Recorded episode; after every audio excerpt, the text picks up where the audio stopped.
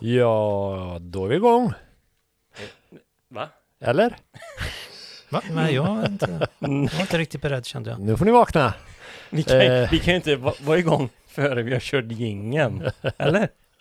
Okej, Vad, vad ska vi göra menar du? Bara för du har varit ledig ett avsnitt nu. Alltså, just det. Ja, ja, vi har en jingel också. En, två, en, två, tre, blir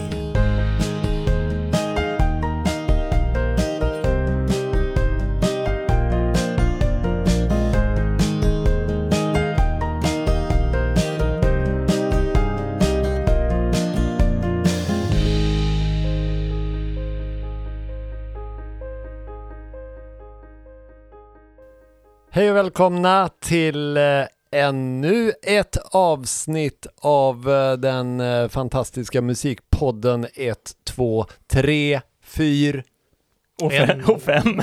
Och, och så vidare. och så vidare. ja, det där namnet alltså, det, det, det, det är ett tufft namn.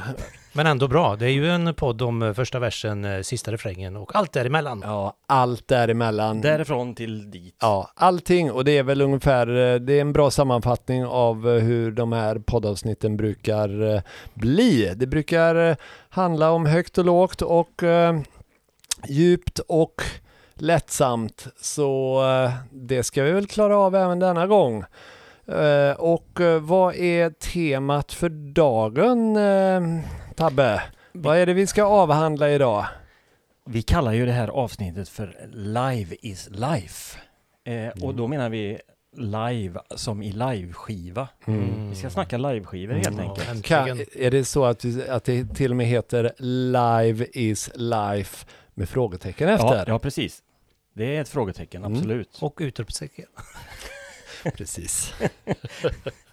Ni som tittar på oss på Youtube ser ju hur glad Lars är här nu. Titta, han vinkar. Äntligen Ja. får vi podda! Nu Ja. får vi podda. Lars har ju, han har varit på oss andra hela sommaren. Ska, är det inte dags för ett poddavsnitt till? Mm. Och, Ni eh, sitter där i era badbrallor. Ja, vi har suttit där med eh, drink, drinken i handen och doppat fötterna i vattnet. Mm.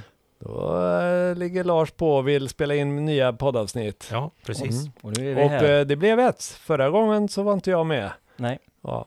Men Det var nu, är, nu är vi framme vid det svåra 21 avsnittet har jag förstått. precis. Och vi kanske ska tala om vilka vi är som är här idag. Mm. För det kan ju variera lite från gång till gång. Vi är ju Mm. några fler. Som, som är med i det här gänget. Men eh, Mm. börjar du? Ja, men eh, som en av nykomlingarna i den här eminenta ensemblen då så heter jag, är jag då Hasse Skanse. Ja, det här är ju, jag tycker det, vi kommer överens om nu att det här är sista gången vi kallar oss för nykomlingarna, eller hur? Ja, Nu jävlar, nu är Nu- vi, nu, nu, är Nu på riktigt. fullvärdiga, fullvärdiga medlemmar. ja. Ja, bredvid Hasse sitter eh, Lars Berger. Och ehm, är han. eh, sen har vi en liten snubbe där också. En senior. Han som var med Mm. från starten. Mm. Torbjörn Tabbe Mm. Jackson. Kapellmästaren. Ja, så kanske man kan se det. Skulle du haft ett litet eh, klaviatur här kanske? Och, Mm, kanske inte. Eller kanske inte. Nej, det, det, är, det är ett annat ämne. Ja. Helt klart. Eh, ja, men eh, det känns väl bra. 21 avsnitt är lite imponerande ändå. Ja, det är det. Eller 21 avsnitt kanske man säger. Mm. Det måste Mm. jag säga. Ja, det är imponerande och ehm, det var, eh, jag var ju en eh, lyssnare innan, eh, innan vi kom med här. Ja, jag med. Ja, Mm. lyssnat med ett stort nöje och lobbade väl egentligen lite för att vara med också genom att skicka lite förslag på vad, de, vad ni Jaha. kunde ta upp. Okej, det gjorde du. Så då ser ni hur det kan gå. Jo. Om ni sitter och lyssnar eller tittar. Precis. Då det kanske går, ni är här de nästa är, gång. mm, det går att, och, eh, komma, eh, att komma in i det här gänget. Mm. Det blir lite svårare nu. Det är lite mer tjockt med folk här nu. Ja. För, förra avsnittet var ju då avsnitt 20. Det var ju ett stort jubileum som vi eh, hade här. Mm. Och vi pratade mycket om eh, eh, upprinnelsen till podden och namnet och hur det var i början och alltihop. Så det var, Mm. det, det ska man, eh, kan man gå tillbaka och lyssna på om man inte har gjort det redan. Mm. Precis. Men det har man ju förstås lyssnat på för nu är det ju avsnitt nummer 21. Mm. Det är det. Och i och med avsnitt 21 så tänkte vi att vi ska införa en ny ytterligare en ny programpunkt. Vi hade en ny förra gången också. Ja, förra gången hade vi eh, Gör om, gör rätt som också kommer att återkomma idag. Ja, den kommer om en stund. Mm. Men jag tycker att vi, vi börjar med den här. Är det här en, är det ett, att vi ska ha en ny programpunkt varje avsnitt? Det kommer bli jäkligt Kanske. många programpunkter. Vi tycker att poddarna är lite för korta. Så därför vill vi gärna förlänga på något sätt. För vi har ju inte så mycket att prata om har vi märkt. Nej, precis. Men eh, den här nya programpunkten eh, kallar vi för, ja du kan berätta om den Lars och tanken Mm. bakom den. Mm, för du är väl lite i hjärnan bakom den? Ja, The Mastermind. Mm. Yes. Mm. Jo, rundan eh, tänker vi att eh, det ska vara som en liten startgrej, att man, man får, eh, alla som är med och poddar får liksom en liten stund på sig att berätta om någonting nytt de har hört eller eh, sett eller läst. Eh, bara för att få igång rösten också. Och, och för det är liksom innan man kommer igång med poddandet så är man lite, kanske lite hes och lite mm, nervös och lite blyg och sådär. Men då, då får alla möjlighet att gå runt och, och prata lite. Mm, Sen är man igång. Precis. Så vi har ju, eller du har ju gjort en jingel för den också Lars ja, här. Ja, just det. Just det. Och här kommer den.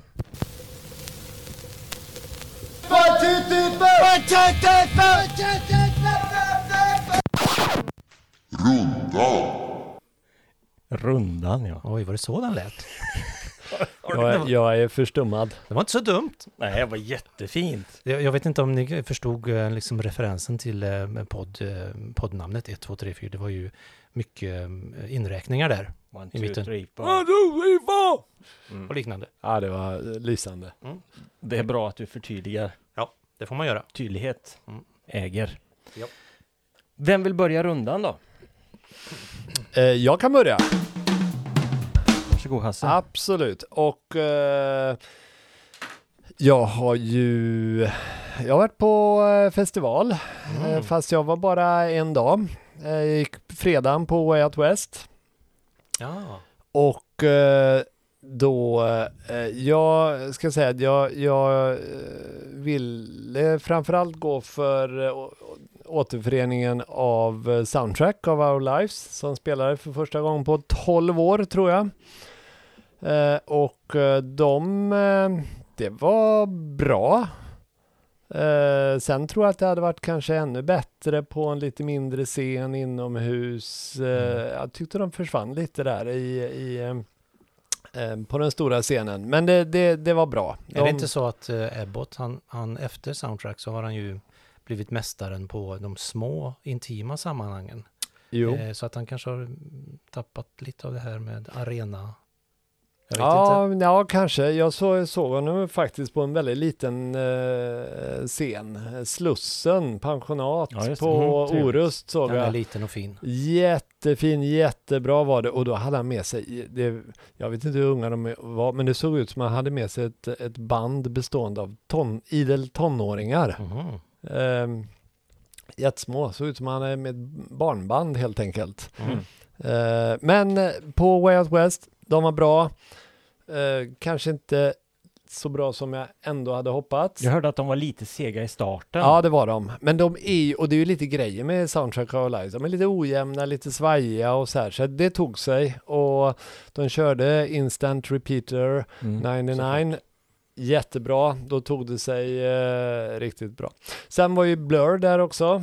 Eh, och Lite eh, suddigt, eller? ja, Vi ber om ursäkt för här Trollhättehumorn. Eh, Allting är galenskaparnas fel. ja, precis. Eh, jo, det var lite suddigt. Eh, Ja. Och eh, eh, de, de var bra.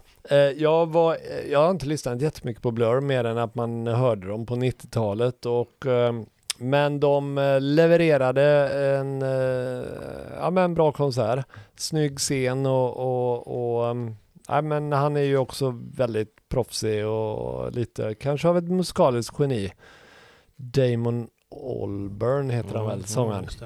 Eh, jag har ju nästan lyssnat mer på hans andra band, Gorillas faktiskt. Mhm. Men, eh, men ja, bra konsert. Eh, men jag upptäckte en konsert som jag var på med ett band som jag helt har missat. Fast de har funnits i tio år. Ett svenskt band, Mhm. Les Big Birds. De har jag hört talas om. De är lite psykedeliska va? Psykedeliska, lite monotont, de spelar ett stort tält. Svinbra var det. Jättebra li- liveband. Eh, Det är ju eh, han, eh, oh, Åkel, vad heter han? Från Teddy Bear Stockholm. Mhm. eh, har vi ju Åker eh, Lund. Nej, Det- gud vad Det, heter det är han? lite av ett, eh, är en he- supergrupp, är det inte det? Ålund heter han. Ålund. Jo, Ålund. Precis. Joakim Ålund från, från Teddy Bears. Mm. Jo, men det stämmer det. Det är lite, det är någon eh, Nino Keller som eh, också var med i hans andra band Caesars. Och så är det Mm. en, någon från Fireside också. Så lite, Oh, Fireside. ja, så att lite supergrupp så. Mm. Deras senaste skiva kan jag verkligen rekommendera. Måste man ju kolla upp, helt Ja, klart. Och live var det jättebra. Mm. Psykedeliskt och eh, men också lite poppigt och sådär. Sjunger både på engelska och lite svenska. Och det är ju bra, live ska vi prata om idag. Ja, och bra. jag bara, jag må, bara måste nämna ett band till som var jättespännande som jag tyvärr inte kunde se så mycket av men som jag sen, eh, eh, min gode vän Martin filmade lite och skickade. Eh, Det var en jazzduo med två unga musiker. De heter Domi and J.D. Beck. Mhm. En trummis och en eh, keyboardist. Eh, och de träffades på Barclay musikskolan Som och- ligger var? i New York tror jag. Ja. Mm. Och eh, det var eh, jättespännande och eh, de har släppt en skiva där de har fått med eh, Snoop Dogg är med på en låt så att Mhm. de, men väldigt spännande. De eh, tänker jag att de får man ha ögonen på. Jag tror att, Modern jazz med lite, ja, jag tror att det Kul. mesta finns, det finns väldigt mycket att se på TV4 Play ja, från Way Out West. Ja. De har filmat mycket. Ja. Eh, Min dotter var en av eh, kvällarna och såg på King Gizzard and the Just Wizard Lizard. Det var Ja. fantastiskt. tyckte jag. ja det kan jag Det tänka skulle vara kul att se dem. Mm. Den finns där. Otroligt- Hela konserten ligger på TV4 Play. Otroligt produktivt band. Ja, det var väl de som gjorde sju plattor på ett år. Ja, det är ju galet. Det Ja. kommer nya Och- hela tiden. Och de är ganska olika skivor Olika också. genrer hela Väldigt. tiden. Ja, Det är death metal och sen så blir det hiphop. Ja. Och så blir det liksom, Ja. ja, Fascinerande band. Lite innan jag, innan jag babblar vidare så bara en, det var, det slog mig när jag var på Way Out West att vara och, och pratade med lite, eh, lite yngre folk som var där också att var man inte är låst inom en specifik genre längre. Jag tycker Nej. det gäller både band, de, som det här ja- jazzduon som samarbetar med hiphoppare, men också yngre människor överlag gillar lite bredare så här Mm. och lite, jag tänker då att eh, King Gizzard som ett mm, relativt nytt band då, de Mm. hoppar mellan genrer och de tar, i, tar in gästmusiker från olika genrer. Hade aldrig gått på 80-talet. vet du. Då var det synt eller hårdrock. Ja, Ja, där med Basta. ja. Men det är väl lite eh, Spotifys förtjänst kanske? Ja. ja. Att alla har tillgång till hela musikhistorien och då kan man få en lite bredare Mm. musik. Det är omöjligt. Ja, mm, att det påverkar. Smak. Något Jag vet positivt. inte. Mm. Mm. Nu ska jag vara lite tyst här, för det var här var, man skulle bara ta en liten eh, Mm. kort runda var det va? Ja, precis. Men det, är- det är för sent. Det, det ligger inte för oss. Nej.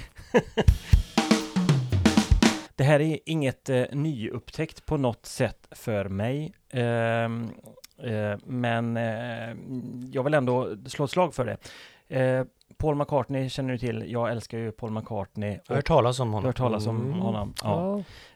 Han var med i Eh, ett band. ja, han var med i ett band som Ja. hette Beatles en gång i tiden. just Och sen på Tyckte jag 70-talet kände igen det. så var det ett band som hette Wings och så en lång solokarriär. De här grejerna som man gjort efter Beatles finns ju otroligt mycket bra grejer också att kolla upp och många tror kanske att det bara är smöriga eh, ballader men Mm. så är inte fallet. Jag vet inte om ni har koll på att december förra året, 2022, så släpptes det en megabox eh, med alla hans singlar Nej, det visste jag inte. Nej, eh, som hette eh, The Seven Inches Single Box. Och den har du? Nej, jag har inte boxen. Eh, för den, är, den var väldigt limiterad och väldigt, väldigt dyr. Kan tänkas. Vinylsinglar då. Mm. Eh, jag tror det är 80 singlar i den. Oj. Nå, om man lyssnar, den finns på Spotify också, men faktiskt, att lyssna på alla Mm. låtar. Eh, och eh, singelbaksidorna. Har ni lyssnat på McCartneys singelbaksidor? Han är Nej. ju, har ju inte varit expert på alltid. Han har ju valt hits såklart här och där. Mm. Men vilka guldkorn det finns på singlar. Mhm. Jag, bara för att ta med, jag har ju inte boxen, men jag har ju några originalsinglar. Nästan alla säkert. Mm. Många utav de här. Då har vi bland annat en här som heter Once upon long ago. Den finns med i boxen också. Ja, ja. Den här kom då 1987. Men fytti rackarns alltså, lyssna på baksidan. Back on my feet. Mhm. Sicken Mm. jäkla låt. Den, den, man, alltså, man kan ju skriva A Ja. på B-sidan istället. Jättebra. Men är det här då låtar som inte finns på albumet också? Finns inte det? på album. Det. Bara på singlarna? Bara på singlarna. Men Ja. nu, de Ja. finns ju i den här Ja, boxen, boxen. på Spotify också. Så lyssna, tycker Smart. jag. Eh, den här singeln då, My Brave Face, var en stor hit. Den kommer man ihåg. kommer man Mm. ihåg från 89. Ja. Och då tycker jag att man också kan ge B-sidan en chans som heter Flying to my home. Mhm. Ja. Superbra Mm. Låt. Det här är bara ett axplock utav de här. This One kom också från samma skiva, Flowers in the Dirt var den med på. Och The First Stone heter baksidan på den. Det finns även en Wings-låt som kanske är en av mina favorit-Wings-låtar. Eh, som kom 79. Som är en B-sida. Den har inte jag med nu, men eh, den är med i boxen. Mm. Daytime, Nighttime Suffering. Jaha. Mm. Görbra. Mm, det var tre, det finns 77 till. Mm. Ja, ja, men Mm. gå in och lyssna, det- för det Mm. finns väldiga eh, guldkorn. Guldkorn gömda Men det är på lite som, B-sidorna. det är lite som eh, i början av Sweets karriär. Då var det ju alltid på fr- framsidan var det ju eh, någon Shinny Chap, tuggummi, pop. Mm. Men alltid på, jag har en kompis som är Sweet-fantast. Han säger, lyssna alltid på B-sidan. Där, är det, har- där fick de alltid med en egen låt och det var ju en riktig rockrökare Mm. med Sweets eh, fantastiska musicerande. Och eh, i slutet av Beatles eh, år, när det var den här tävlan, McCartney, Lennon, de, den här lite competition, så här, de drev ju varandra uppåt hela tiden. Då gjorde de ju dubbla A-sidor istället. Mm, det Mm. Det är ju ganska smart var faktiskt. Mm. Penny Lane och Strawberry Fields, vilken ska man välja som A-sida? Det där är ju löjligt faktiskt. Mm, Den, singeln är löjlig på något Ja. sätt. Det, jag fattar inte hur det går till. Nej. Nej, men det är häftigt. I, i en görsnabb grej bara som man kan ko- tid. som man kan kolla upp är ju att faktiskt Paul McCartney och Ringo Starr har gjort en grej ihop. Nu. Jaha. som är alldeles nysläppt på Spotify också. Det är alltså de har eh, förenats i en, en eh, cover på sig själva. De gör Let it be. Det är. Dolly Parton som sjunger. Så det är Okej. Dolly Parton med både Ringo Starr och Paul McCartney. Där ser man. Jag måste säga, Let it be, jag lyssnade på den för inte så länge sedan. Det är, det, jag tänker att ni som är mer av eh, Beatles-konnässörer eller framförallt Tabbe då. Framförallt ja. Jag måste säga, men Let it be, det är på något sätt en väldigt perfekt låt. Mm. Alltså Mm, den, är fin. den är, Ja. den är, det, ja men ett mästerverk verkligen. Ja, Mm. ja, men det är det. Jag håller med. Sen men jag tycker den- kanske inte att man behöver göra en cover på den. Men jag fattar ju att eh, det är ju roligt. Nej. Dolly Parton har gjort någon eh, skiva som ska släppas nu. Rockstar eller något sånt där tror jag den heter. Med massa, det var några nya låtar och sen så var det en del covers. Mhm. En rockplatta då. Hon gjorde ju på någon konsert nu en eh, duett med Rob Halford från Judas Priest. Ja, den kommer Är säkert det- vara med Ja. på den plattan. För på den här låten, inte bara att, att Paul McCartney och Ringo Starr är, är med där, utan eh, Peter Frampton spelar ju gitarr och Mick Fleetwood, Mick Fleetwood är ju med och kör percussions också, så det är ju liksom stora namn. Ja, Det kan vara lite kul att checka in. Jag ville bara få med något nytt här också. ja jo, Peter, nej, nej. Peter Frampton som gjorde sin karriär på en liveplatta. Precis. Frampton comes live. Mm. Nu knyter du ihop säcken här, Lars. Nej, vi ska inte knyta ihop säcken. Nej. Nej, men det, det hänger ihop. Vi är på- precis på väg att öppna säcken. Just det. Nu öppnar vi upp. Jultomten har precis kommit. Vi är bara på rundan än. Okej, jag har några snabba här. Eh, Jag vill eh, slå ett slag för em, dokumentären om Sinead O'Connor som ligger på SVT Play. Jättebra. Mm. Ja, som heter Nothing Compares. Den var ju fascinerande att se Ja, med verkligen. hennes, eh, hur hon fick kämpa verkligen hela sin Mm. karriär. Ja. Och karriären blev väl slocknad på grund av hennes ovilja att, eh, att anpassa sig och, och ge med sig och ehm, inte visa sina åsikter. Mm. Den var stark tycker jag faktiskt. Jättebra, Ja. jättebra. Så den, eh, den är fin. Den ligger på SVT Play. Eh, sen eh, eh, återkommer jag lite till nästan varje avsnitt nu återkommer jag till The, The Purple Podcast. För det var ju en eh, grej som du Tabbe eh, tipsade om i början av våran karriär. Mm. Din och min Hasses karriär, poddkarriär. Och så den har jag fortsatt att lyssna på med jämna mellanrum. Och ehm, där har de eh, eh, pratar de om en annan podcast som heter Sabbath Bloody Podcast. Oh, som det. är jättekul. Den har jag också börjat lyssna på. Mm. Vilket bra Eh, namn. Ja, Mm. den är jättehärlig. Det, det, de, det är en snubbe som, som eh, pratar om alla plattor och så eh, har, har han sin kompis som är gitarrist. Själv, själv är han basist så liksom Ja, de vi spelar inte klipp från plattorna utan de spelar liksom eh, live. Mm. Ja, ja. Asfräckt är det. Ja. Så den är bra. Eh, det är bra. Och sen så vill jag ge, ge ja, på, grund, på, på grund av eh, The, The Purple Podcast så har jag fått upp min, eh, min gamla eh, kärlek till The Purple och eh, saker som har med The Purple att göra. Och då har jag återupptäckt eh, The Ian Gillan Band. Mm. Jo. Hans första band innan det bara blev Gillan. Ja, Gillan var ju mer som en straight ahead eh, ja, hårdrock. Ganska, Ja, ganska tråkig hårdrocksband. Men Ian Gillan Band var ju mer eh, proggigt. Ja, det var lite, jazzigt. lite jazzrock. Mm, eh, ja. Han, han blev ju kickad eller hoppade av The Purple 1974 och sen så eh, hade man, han bestämt sig för att han skulle hoppa av hela musikbranschen, Mm. sluta sjunga. Så han eh, köpte någon eh, motorcykelaffär eh, som gick i putten och sen så köpte han något hotell eller vad det var också som gick åt skogen. Så eh, då var han tvungen att, att få in lite stålar så då var han med på Roger Glovers The Butterfly Ball. Ball. Mm. Mm. Och då, fick han, då träffade han eh, lite kompisar där som han började spela med. Och fick upp sin kärlek till eh, musiken igen. Och eh, Ian Gillan Band gjorde tre plattor. En som heter eh, Child in Time, den första. Sen en som heter eh, Clear Air Turbulence. Och sen den här tredje som jag, eh, kanske är min favoritplatta. Scarabus. Det är som en blandning mellan eh, Deep Purple, Billy Cobham, Return to Forever och något funkband Mm. med. Ja, jättebra. Väldigt speciell Mm. egen stil. Ja. Det var det.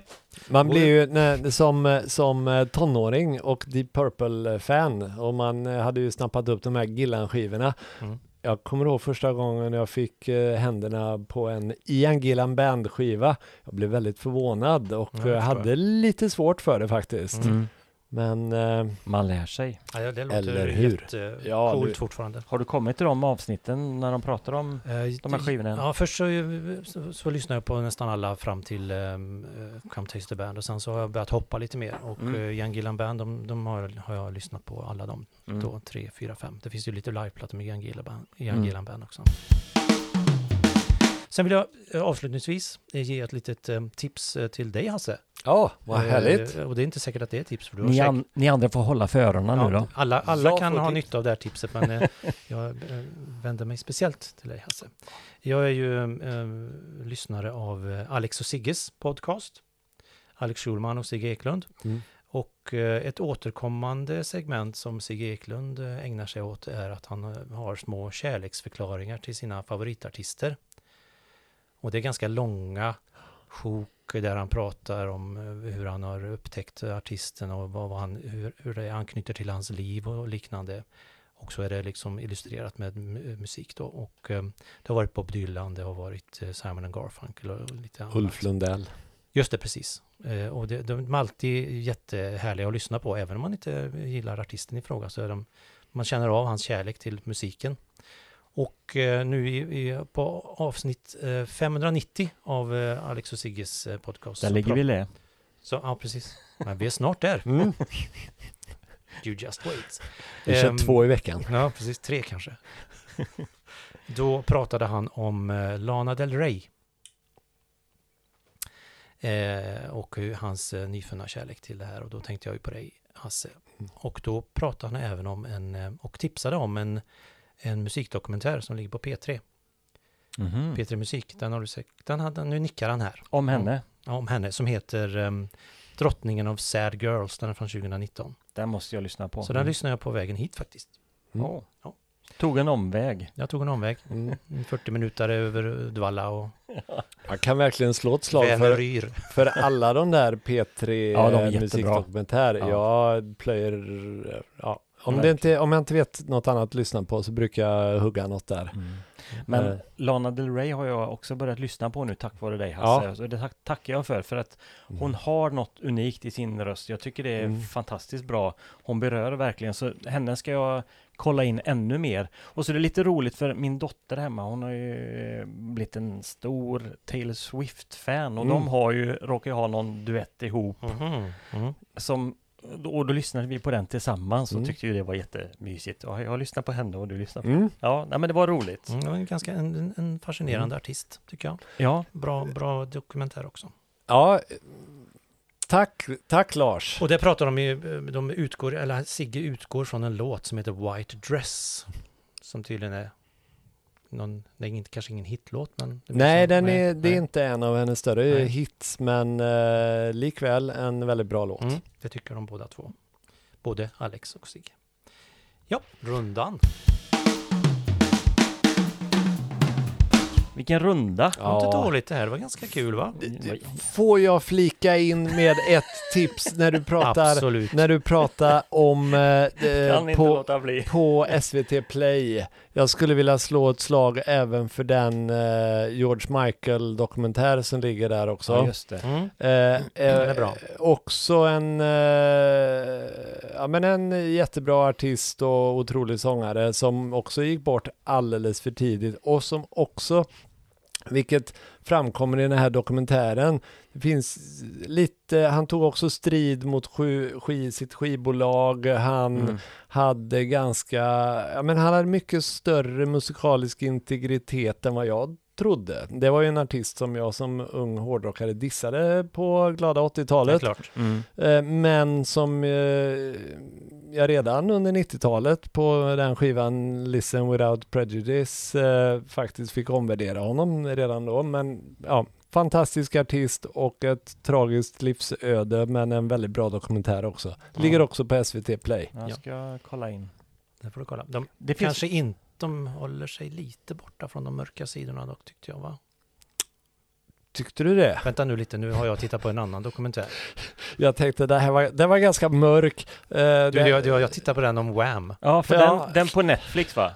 Det Finns det någon om Ja. Wham? Ja, Nej. den, var, den var väldigt sockersöt. Ja, nej, det är det.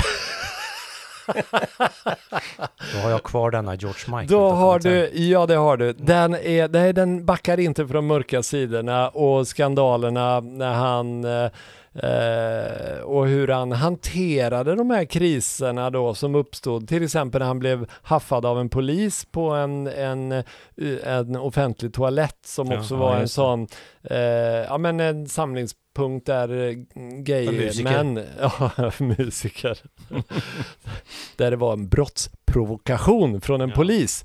Eh, och George Michaels svar på det var ju att spela in en låt som heter Fast Love där det är poliser som dansar eh, sexigt på en toalett. Mm. Så att eh, jag tycker han, eh, han svarade mot... Då, tror jag att det, då kommer det bli ett bra komplement till Wham- Wham-dokumentären då, om jag tittar på George Mm. Michael-dokumentären också. Ja. Då får jag en fulländad bild. Ja, och eh, tack för eh, Jättekul tycker jag att ni har upptäckt Lana Del Rey. För Ja, att jag har blivit, jag har blivit, eh, jag är lite, eh, ja men jag följer det mest, jag läser väldigt mycket om henne och lyssnar på henne så gott som dagligen. Jag blir Kul. näst snudd på besatt av henne.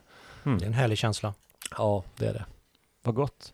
Men Lars, du som kollade då på Wham. Ja. Du har ju chans att göra om, göra rätt.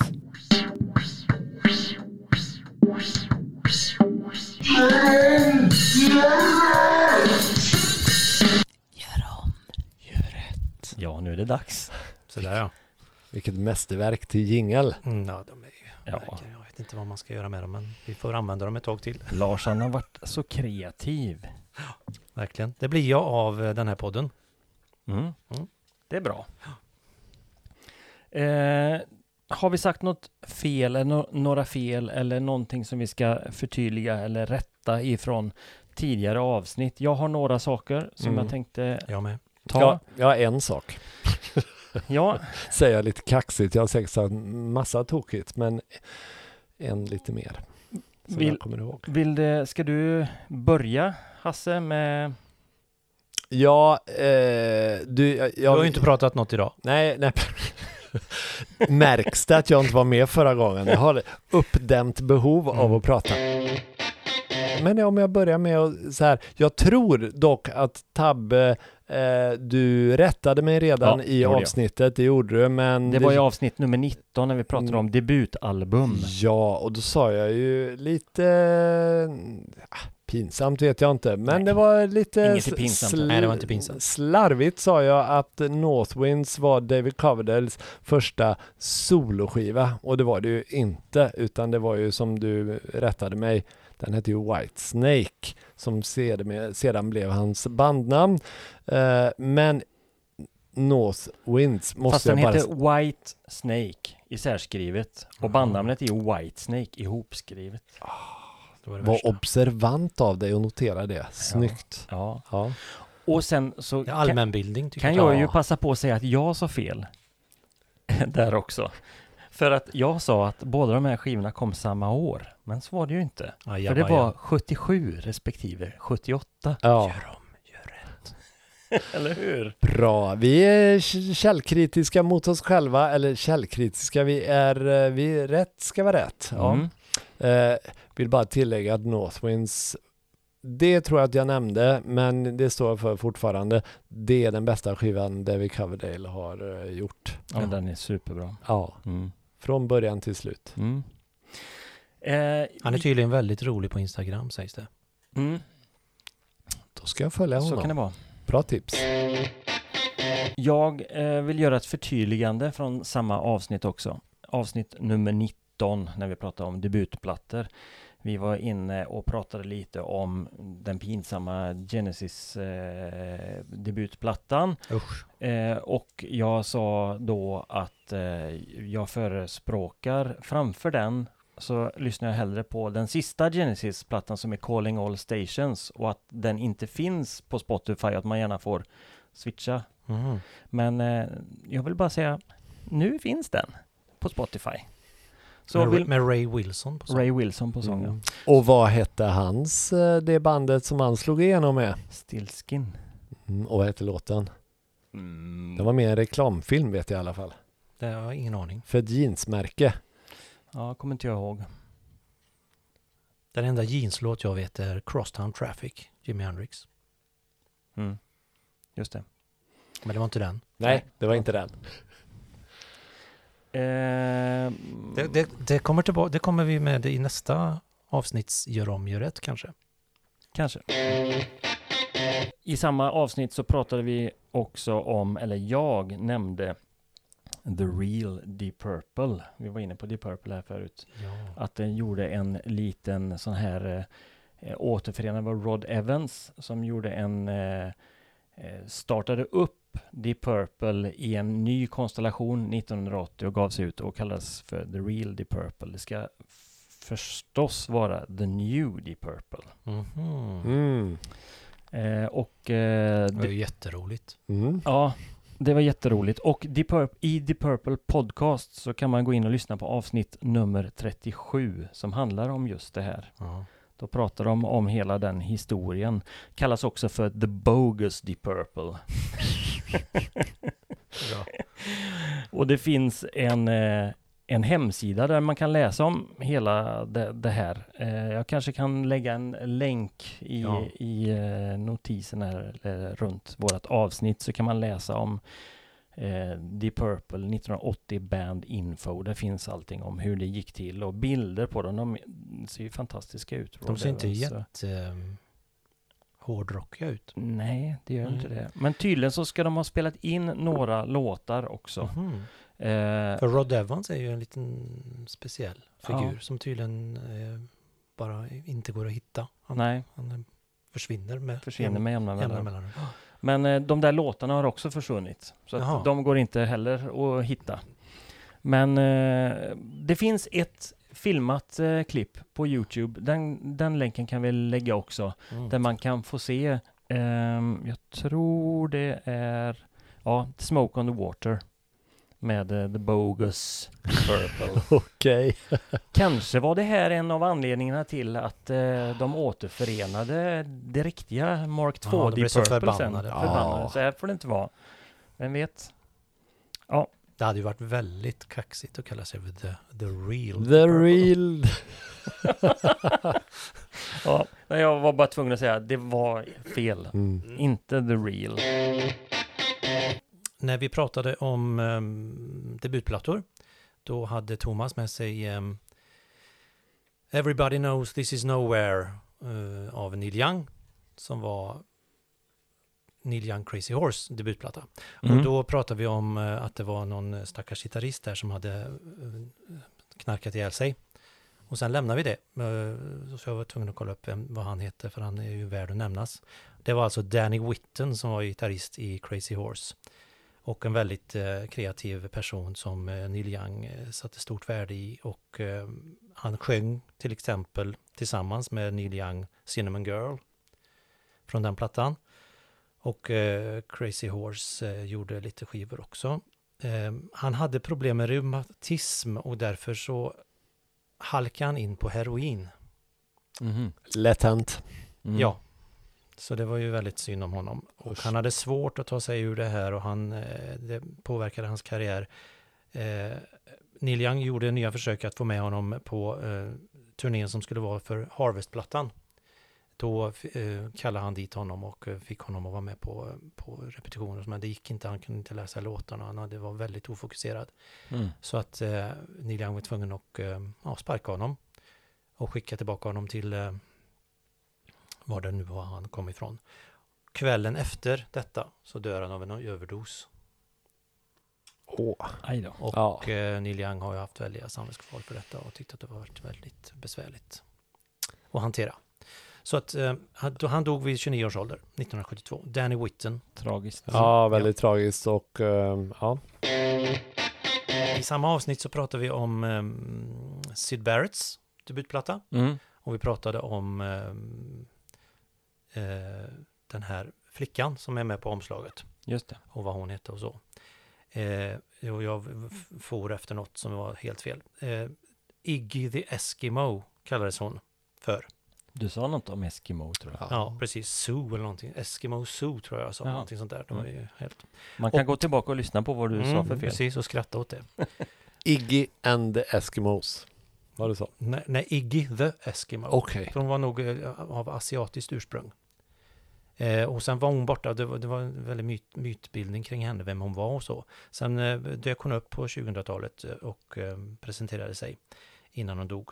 Och då hette hon, eh, alltså Evelyn Rose hette hon den här personen, Mhm. som var Iggy the Eskimo.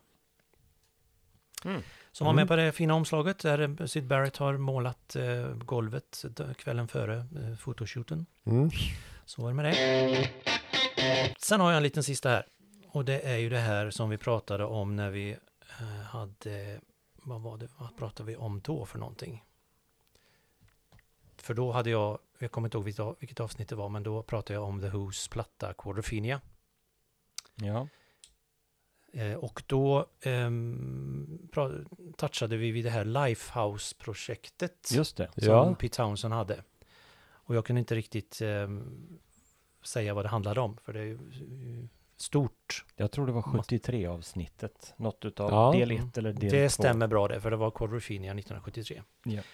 Så jag kollade lite mer här och det är ju en väldigt eh, speciellt projekt som Pete Townsend har återkommit till även efter eh, han fick överge det första gången. Och, eh, det var alltså, skulle vara the follow-up till eh, Tommy, plattan Tommy, och det skulle vara ett stort multimediaprojekt, det skulle vara en film, och det var liksom finansierat och klart.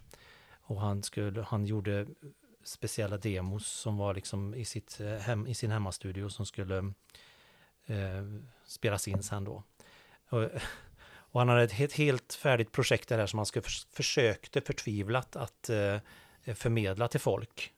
Och det var lika rörigt och luddigt varenda gång. Och det var ingen riktigt som kunde förstå, inte ens bandet förstod vad det handlade om. Men det är någonting med, det handlar om en framtid efter en ekologisk kollaps. Alla människor eh, tillbringar sina tid i så kallade live suits. Mhm. Detta är alltså 1973 de håller på, han pratar om detta.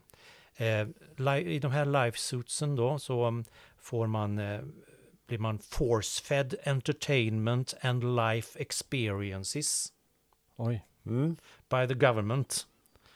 Eh, sen finns det en hacker som heter Bobby, som är musiker, kompositör. Han hackar de här livesuitsarna och eh, bjuder in alla att komma till en festival.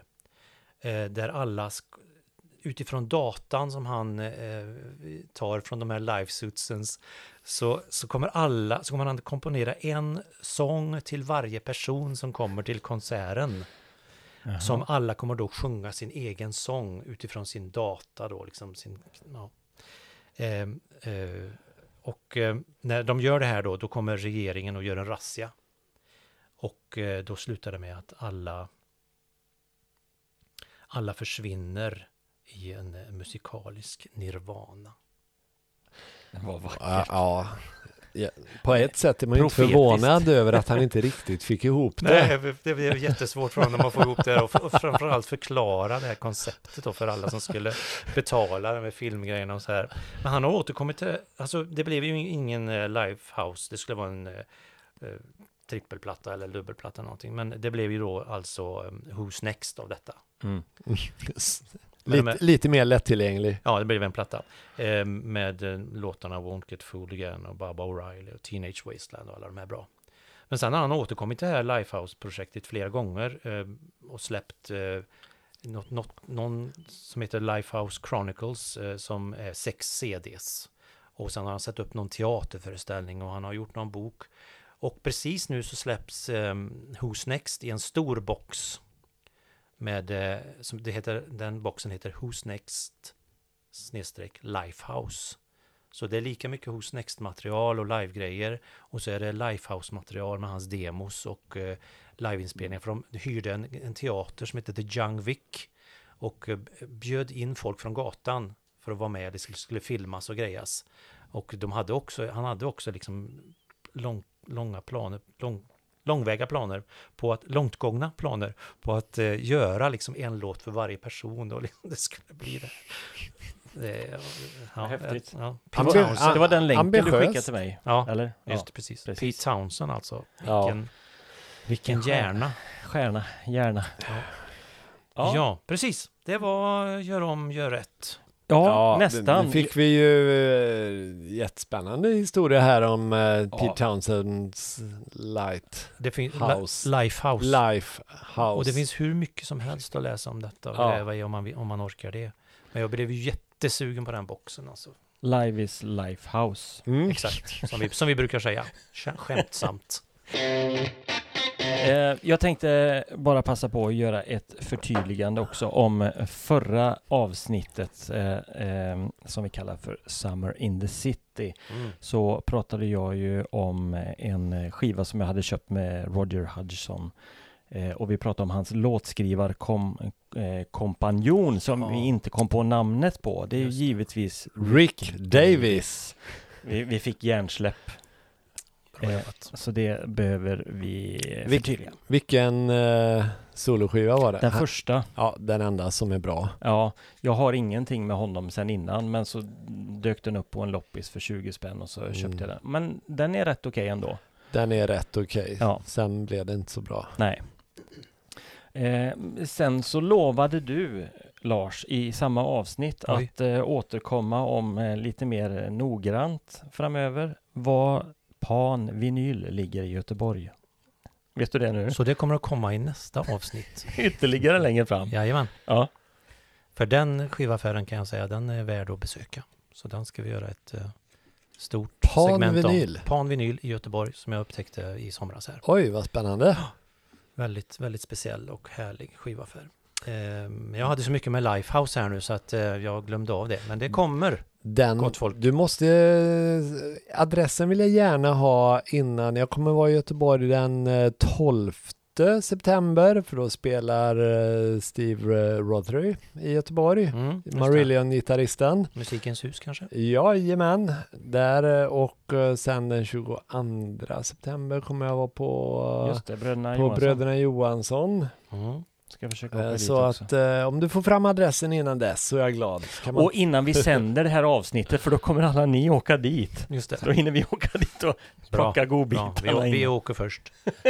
Sen får ni reda på var det ligger. Vänta med att släppa adressen. Hörni boys, ska vi snacka live-skivor? Ja, Ja. Vi, vi stänger eh, den här lilla gör om, gör rätt. Det är väldigt bra. Alltså, vi är ju, vi förbereder oss ganska bra och, och liksom eh, försöker att vara så pålästa som möjligt. Men det är också ett, eh, ett organiskt samtal det här och en diskussion som gör att man kommer in på saker som man kanske inte alltid har helt torrt på fötterna angående. Och det Så får då- ni ta. Och då är det Mm. väldigt skönt att kunna gå tillbaka sen och rätta sig själv lite och eh, eller förtydliga och utveckla saker. Så, Så det, sover vi gott på nätterna också. Mm. jajamän.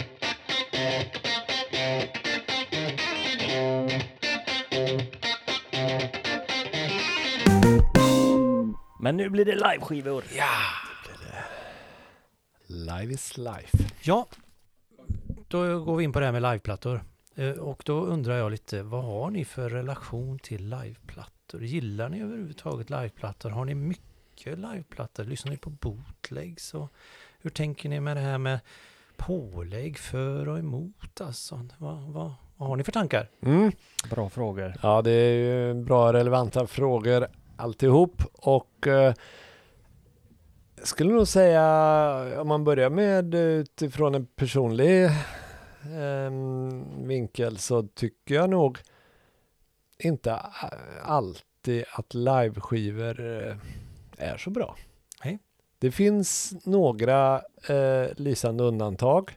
Det finns några band som gör bättre ifrån sig live men men eh, ofta tycker jag att man eh, jag gillar ju ofta band där, där man har en eh, idé som man då får ner på ett vax, en idé om ett album och det finns en viss ordning på det och, och så ofta lyssnar jag hellre på det. Mm. Eh, men det finns ju naturligtvis en hel del undantag. Ja. Det finns ju bra. Men, men det du nämnde där, det här med overdubs och sånt, det tycker jag är det tycker jag verkligen att eh, det, det får man ha. Ja, jag, det får man tycker, ha. jag tycker inte Det är du för. Det är jag definitivt för. Så Ja. att jag, så ja, det är jag för. Och eh, Nej, men jag kan hålla med dig Hasse. Jag eh, är ingen jättefan av liveskivor i grunden. Nej.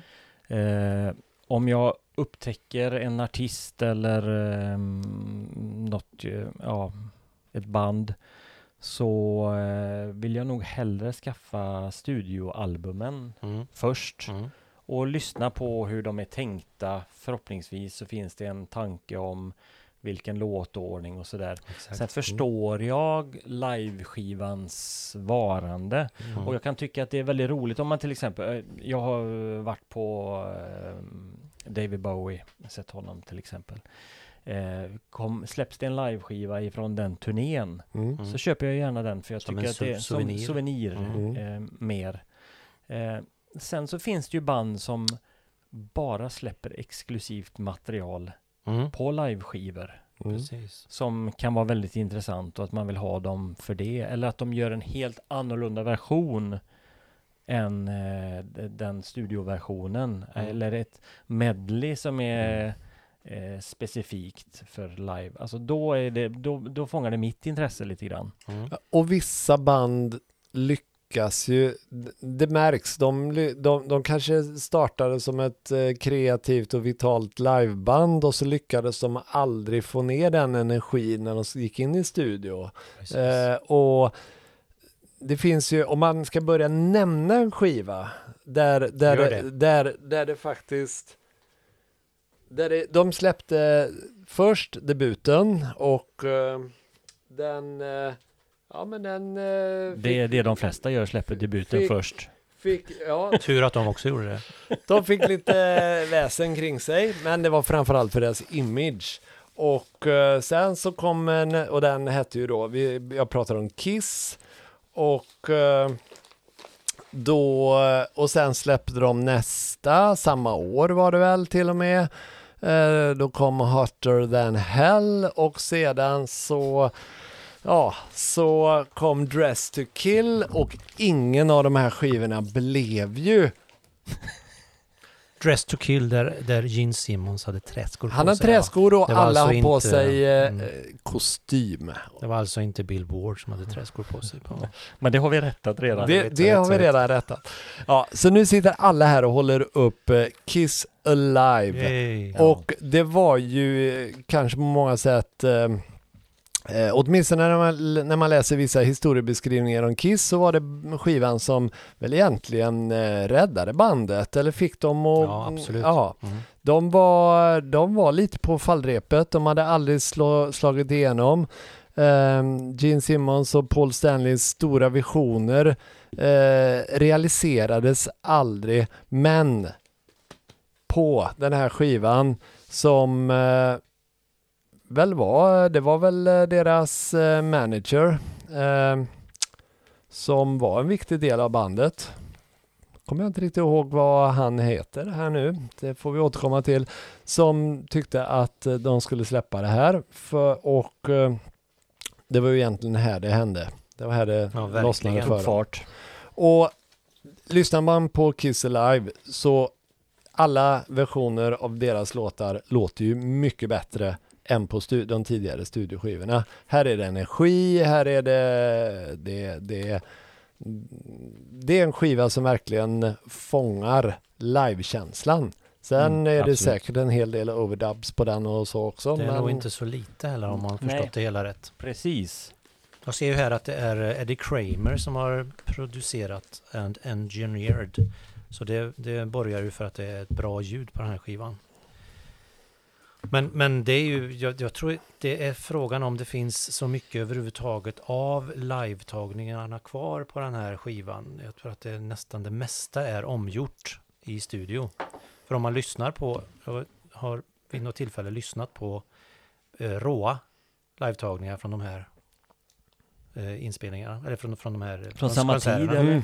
Nej, samma, alltså samma inspelningar. Jaha. Alltså, inte, inte inspelat eh, av Eddie Kramer utan bootlegs. Ja. Och det låter på de här, just de här konserterna. Och det är ju tur att de inte släppte det. Ja. ja. För att det låter inte bra alls. De, och det är inte så konstigt på ett sätt, för att de hade så mycket annat att stå i.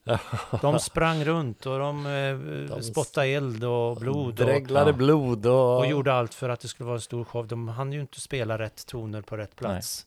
Utan det var ju energin och det råa som gällde. Och det är så här de ska bli ihågkomna. Mm.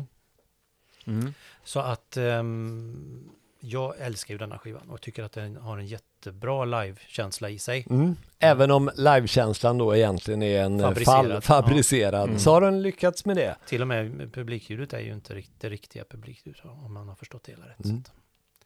Men det, det gjorde de svinbra. Ja, verkligen. Och det var ju här det satte igång Mm. på riktigt. Ja, verkligen. Det, Så det var väl tur att de gjorde den här. Mm. ja. Den startar... är fin också, väldigt fin skiva. Men eh, var inne på bootlegs och sådär. Vad har ni för förhållande till bootlegs då? Är ni Alltså- bootleg-lyssnare? Ja, alltså jag är ju lite i minoritet här har jag förstått. För att när jag började att dra ut mina liveskivor för att börja en, en första sållning till det här programmet. När jag hade dragit ut alla mina liveplattor så såg det ut som värsta igelkotten i min eh, skivsamling. Därför att det var så otroligt mycket livematerial där. Kan inte du filma ett litet klipp hemifrån? Ja, det skulle jag ha gjort kanske. Och lägga Ja. ut på Ja, våran YouTube-kanal. Igelkotts. igelkottssamlingen. Men jag har alltid eh, gillat eh, liveinspelningar, både officiella och eh, bootlegs eh, av vissa artister, inte alla Mm. artister. Eh, det finns ju vissa artister som, som passar sig mer för bootlegs, som gör liksom eh, olika, varje show är unik och Mm. man spelar olika låtar och eh, kanske långa jam och sånt. Så att det här med liveplattor, det, det har alltid varit en, eh, en fa favoritgenre, höll jag på att säga, men Mm. en, fa en favorit för mig. Så att, ehm, och Kiss Alive var en av de första Mm. Kissplattorna som jag köpte. Var det en av de första det kom ju några stora liveplattor som, som eh, vi kommer ju säkert nämna flera av dem. Men, Mm. men vad, vad ha- hade Beatles till exempel någon, någon liveplatta som eh, Under... Eh, under deras under deras- verksamma tid? nej, då släppte de ju ingen liveplatta utan det släpptes ju sen eh, live till Hollywood Bowl var ju Mm. den första som kom i mm, 77, 78 Mhm. någonting tror jag. Mm. Mm. Eh, som nu också har kommit i en ny utgåva eh, för några år sedan med eh, restaurerat ljud. Så mycket bättre än originalet, några extra låtar också. Eh, den låter ju ganska bra. Annars så var det ju rätt så dålig kvalitet på, Mm. på mycket utav det här. Det finns ju, jag har ju en del sådana här till och med tidiga från när de spelade i Hamburg och på Cavern Club och sånt Mm, där mm. mm, bröts. Eh, och det är ju mer ur ett historiskt, eh, har ett historiskt klart. värde att man är Mm. lite intresserad av fånga den Mm. känslan. Men det är ju ingenting man sitter och lyssnar på och njuter av, Nej. tycker jag sådär. Kan man säga, var det någon liveplatta som, som så att säga mm, breakade liveplattan? Den första liveplattan som blev en eh, försäljningssuccé där alla andra band kom på att eh, det här är ett, eh, ja, men det är ett koncept som vi kan eh, ta efter. Ja, det, men det var ju lite där eh, runt Kiss Alive var, var ju absolut en sån. Eh, sen var ju det Peter Frampton och hans liveplatta Comes Alive var ju en sån som, Mm. som gjorde att alla band ville Mm. släppa liveplattor för att då tänkte de att då, då får vi den succé som han fick. Så att, ehm, Och även Deep Purple innan då. precis med sin Made in Jap- Japan. Japan, det är bra Mm. att du säger Japan. Vi har, Made fått lite, vi har fått lite åsikter om att vi säger Made in Japan. Men det förstår vi ingenting av överhuvudtaget för att den heter ju Made in Japan. det heter ju Made in Japan som Ja. alltid sagt. Ja. Ja. eh, Men den, den köpt, eh, köpte man ju tidigt, eller jag, för min del var den väldigt tidig för att eh, eftersom jag började att lyssna på Deep Purple enbart, exklusivt. Så Det är så roligt när vi kan dra Ja. upp alla tre, ja, även den. bra foto-op. Ja. Jo, så att eh, den är ju fantastisk. Eh, och det ljudet som de fick till här är ju... Eh, alltså 1972 också eh, var de ju on fire, Deep Purple. Verkligen. Det har man ju lyssnat på flera. Nu, eh, I förra avsnittet pratade jag om min Ullareds inköp som var Deep Purple eh, live in Copenhagen 72, Denmark. Ja, just det. Danmark. Eh, det är ju samma turné, eh, lite tidigare då, men, men eh, då, de som spelar som, alltså jag vet inte, de, de spelar för livet. Ja, det var så eh, vilt och Mm. de... eh, Och ändå musikaliskt. ja, verkligen. Och de Men lyssnar de, på varandra och det är långa jam och väldigt mycket jam och de drar ut låtarna och den här Made in Japan. Det är bara sju Made in låtar. det är bara sju låtar på Ja. en dubbelskiva. Ja. mm. Det är... Men Ja. det är till exempel en sån eh, eh, liveplatta som attraherar mig, eller har, Mm. har gjort. ja, det förstår jag. För att Mm. den är något helt annat Ja, än nej, om du nej, lyssnar nej. på Machine Head till exempel. Mm. Du får långa utdragna versioner utav låtarna och blir... Och lite vildare versioner också. Ja, Mm. Ja. det är inte bara liksom samma version igen med lite klapp till, utan Nej, just det. nej. Och lyssnar man på, det kom för eh, ett antal år sedan nu, så kom det ju en um, trippel-CD med alla konserterna från den turnén som Made in Japan är inspelad under. Och lyssnar man på dem så är alla eh, låtar är olika i Mm. olika tappningar och det är ändå liksom Mhm. tre dagar eller vad det är. Två, tre dagar. Så de, de, eh, de vindlade sig om att göra något nytt hela tiden, att testa gränserna. Mm. Och det är inte alltid det funkar. Man kan förstå, man förstår att eh, de här versionerna som är med på originalutgåvan är de som de valde ut för att de, de var bäst helt enkelt. Mm. Och det är jättekul att lyssna på de andra också. Men eh, det händer saker i låtarna som kanske inte var menat att det Mm, skulle hända. Och Här är en de hittar CD, inte alltid riktigt rätt. en CD för varje datum, ja. 15 Mm. augusti, 16 augusti, 17 augusti. Mm. Det är ju lite roligt. Ja, Och på den som eh, blev skivan där de plockat från alla tre dagarna. Du frågar om, om eh, Beatles där Mm. också om det fanns. Jag kan ju tipsa om, det har ju släppts digitalt. På Spotify finns ju Rooftop-konserten. Mm. Eh, Mm. eh, nu med Peter Jacksons teknik och så. Ja. Har man fått fram, vilken jäkla liveband. Alltså Tänk- den, Ja. den, den delen av den filmen, när de, Ja. den är ju ganska lång också. De Ja. drar ju ut, de visar ju liksom Ja. allt de kan hitta nästan Mm. känns det som. Om man ser deras blickar och Ja. det som händer under tiden där nere och Men den hade jag velat ha som en skiva. Ja, verkligen. Men, Ja. men jag tycker de spelar fantastiskt bra Ja. också. Mm.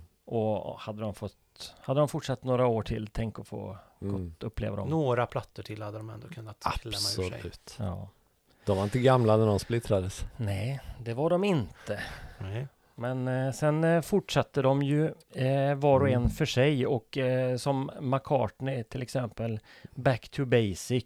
Eh, han bildade Wings. Mm. Han gav sig ut på en eh, liten turné med familjen och eh, åkte runt med en buss uppe i Skottland och eh, knackade på universitet så här.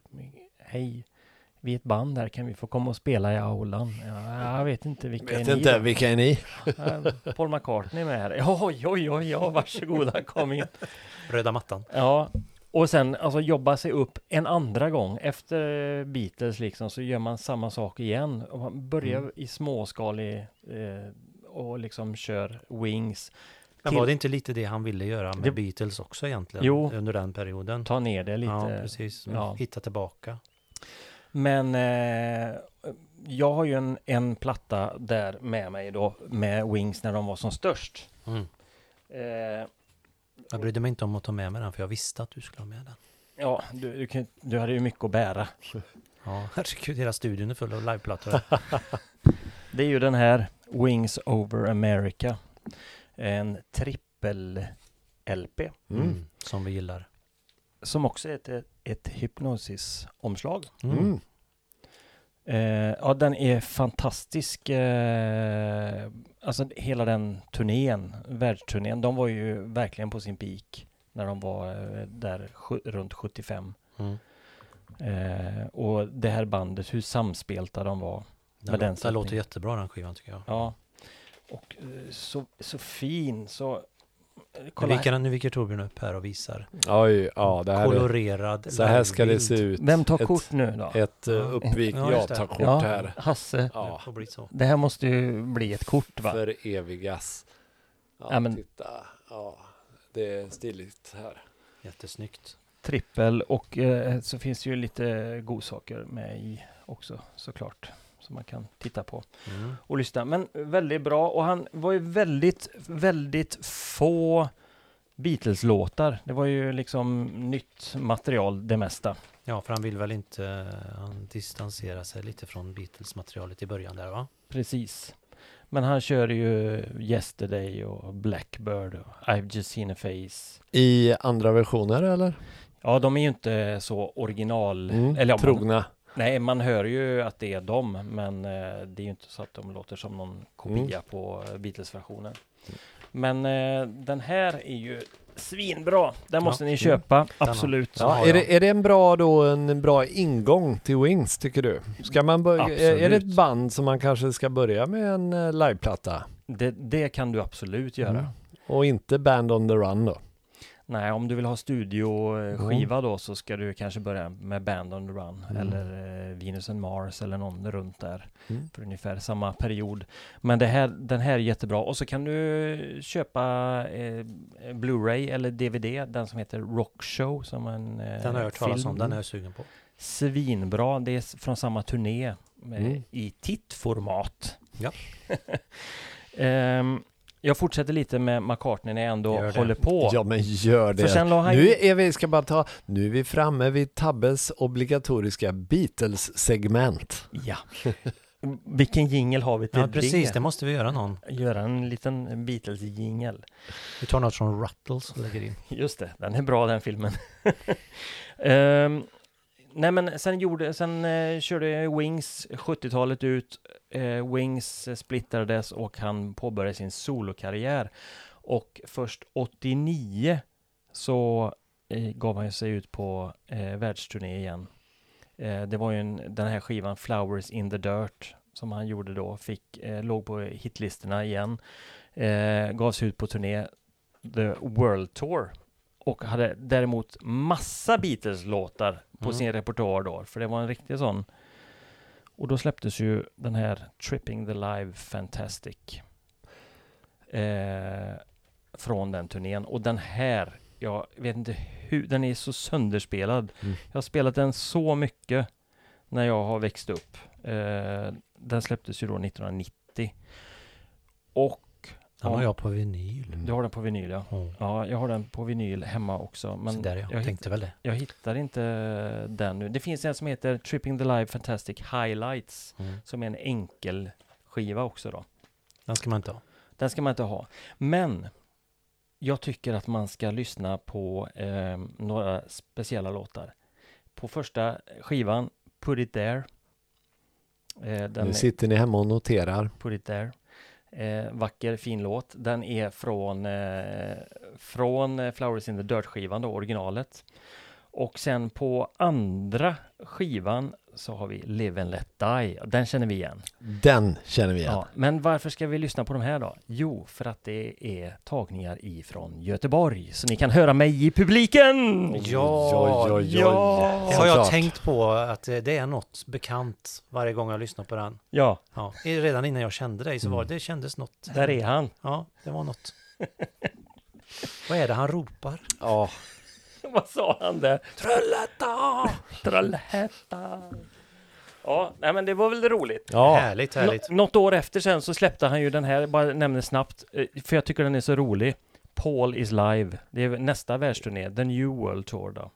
Ja. Såg- såg jag också. Ja, det är då- ett kul omslag. Då är det ett kul omslag, ja, där han liksom leker med Paul is live, för det är en Mm. live-skiva. Mm. Och att han lever är Ja. ju den här Paul is dead eh, konspirationen som, som florerade. Klassiska. Eh, och då finns det ju några tecken här då att han väldigt tydligt går med andra benet fram. Han är ju vänsterhänt och eh, vänsterfotad höll jag på att säga, heter det kanske. Han höll en cigarett i höger hand, vilket skulle vara ett tecken på, på Abbey Road-omslaget, Mm. skulle vara ett tecken på att eh, det är kopian. Här håller han väldigt demonstrativt hundkopplet i rätt hand. Ja, han hade alltså ersatts av en kopia. Ja, av en kopia, Mm, ja. han var död Han, ja. Det här skulle vi kunna prata ett helt avsnitt om. Det är något med bilen där också. eh, Bilen License plate. på license platen på originalet eh, Abbey Road så står det 28 if Alltså han skulle varit 28 år om han hade levat. Ja. Vilket han inte gjorde då, utan det var en Mm. kopia. Ja. Här står det 51 is. så det är jätteroligt. Mm. Men han har inte med den här farbrorn som stod där uppe i hörnet som det är så mycket reportage om. Nej, precis. Som var där eh, i Han- London med sin fru och, Bara stod där och kom med. Ja. och frun var inne med någon affär och då så stod han där ute och rökte eller någonting och då kom han med. Han dog ju för några år sedan bara. Ja, just det. Så, ja. Men liveplattor med, med eh, McCartney eh, och där ligger ju den här Tripping the Life Fantastic ligger mig väldigt varmt om hjärtat för den upplevde jag som ung Mm. Ja, men eh, det förstår jag. väldigt mycket. Men Wings Over America är också fantastisk med de eh, 70-tals-eran. Jag har faktiskt också med en skiva som jag är med på. Va? Ja, Mm. visst. Eh, när du nämnde den Snygg då. koppling Och, Hasse. ja, och vi, nu, vi pratade ju om Deep Purple förut Ja. och den här eh, Deep Purple-skivan eh, som då eh, heter Nobody's Perfect som de släppte eh, efter deras, ja det var ju när de hade eh, återförenats på 80-talet. Mm. Vilken fin hype-sticker Ja. den där. Ja, eller hur? Mm. Det här är när den är köpt Jag får visa 1900... upp där. Eh, här. Ja. Köpt 1988. Mm. Eh, och då tog vi För då turnerade de i, eh, upp till våra breddgrader och de kom till Oslo och Vallehovin och eh, vi tog våran folkvagnsbuss och rullade upp dit. Mm. Eh, och på den här skivan, jag ska säga, det är ju inte av samma klass som Made in Japan, Nej. utan, men eh, Deep Purple var ju bra liveband så och eh, det finns några låtar från, eh, från eh, Oslo som är med här. Härligt. Och Och där var du med. Och där var jag med och jag stod längst fram, stod jag. Och eh, jag och min kompis Martin, vi stod och eh, vi tände en eh, cigarett längst fram och Ian Gillan såg oss. Och han pekade på oss, han var ju rökare och så gjorde han tummen upp. Vi tyckte kanske att vi var coolast i hela världen Just då var ni det. Ja, Jag får säga en sak om den. Jag, jag för mig jag har hört cigaretten när den tänds där. ja, men du, ja, ja, nej. Det, det var jag. Ja, det var du. Nej, men den, vad jag reagerade på när den kom, eh, den här skivan, jag var lite besviken. Ja. Och eh, inte av hur de spelade eller hur det lät, var jättebra. Men det tonar ner mellan varje låt. Ja, och de har Ja, just det. Ja, De, och de har krånglat och haft sig. Det finns låtar på den här skivan där de har klippt ihop från olika spelningar. Till och med att- så. Ja, så Mm. första halvan av låten är från en spelning och sen avslutning på en annan. Och, ja.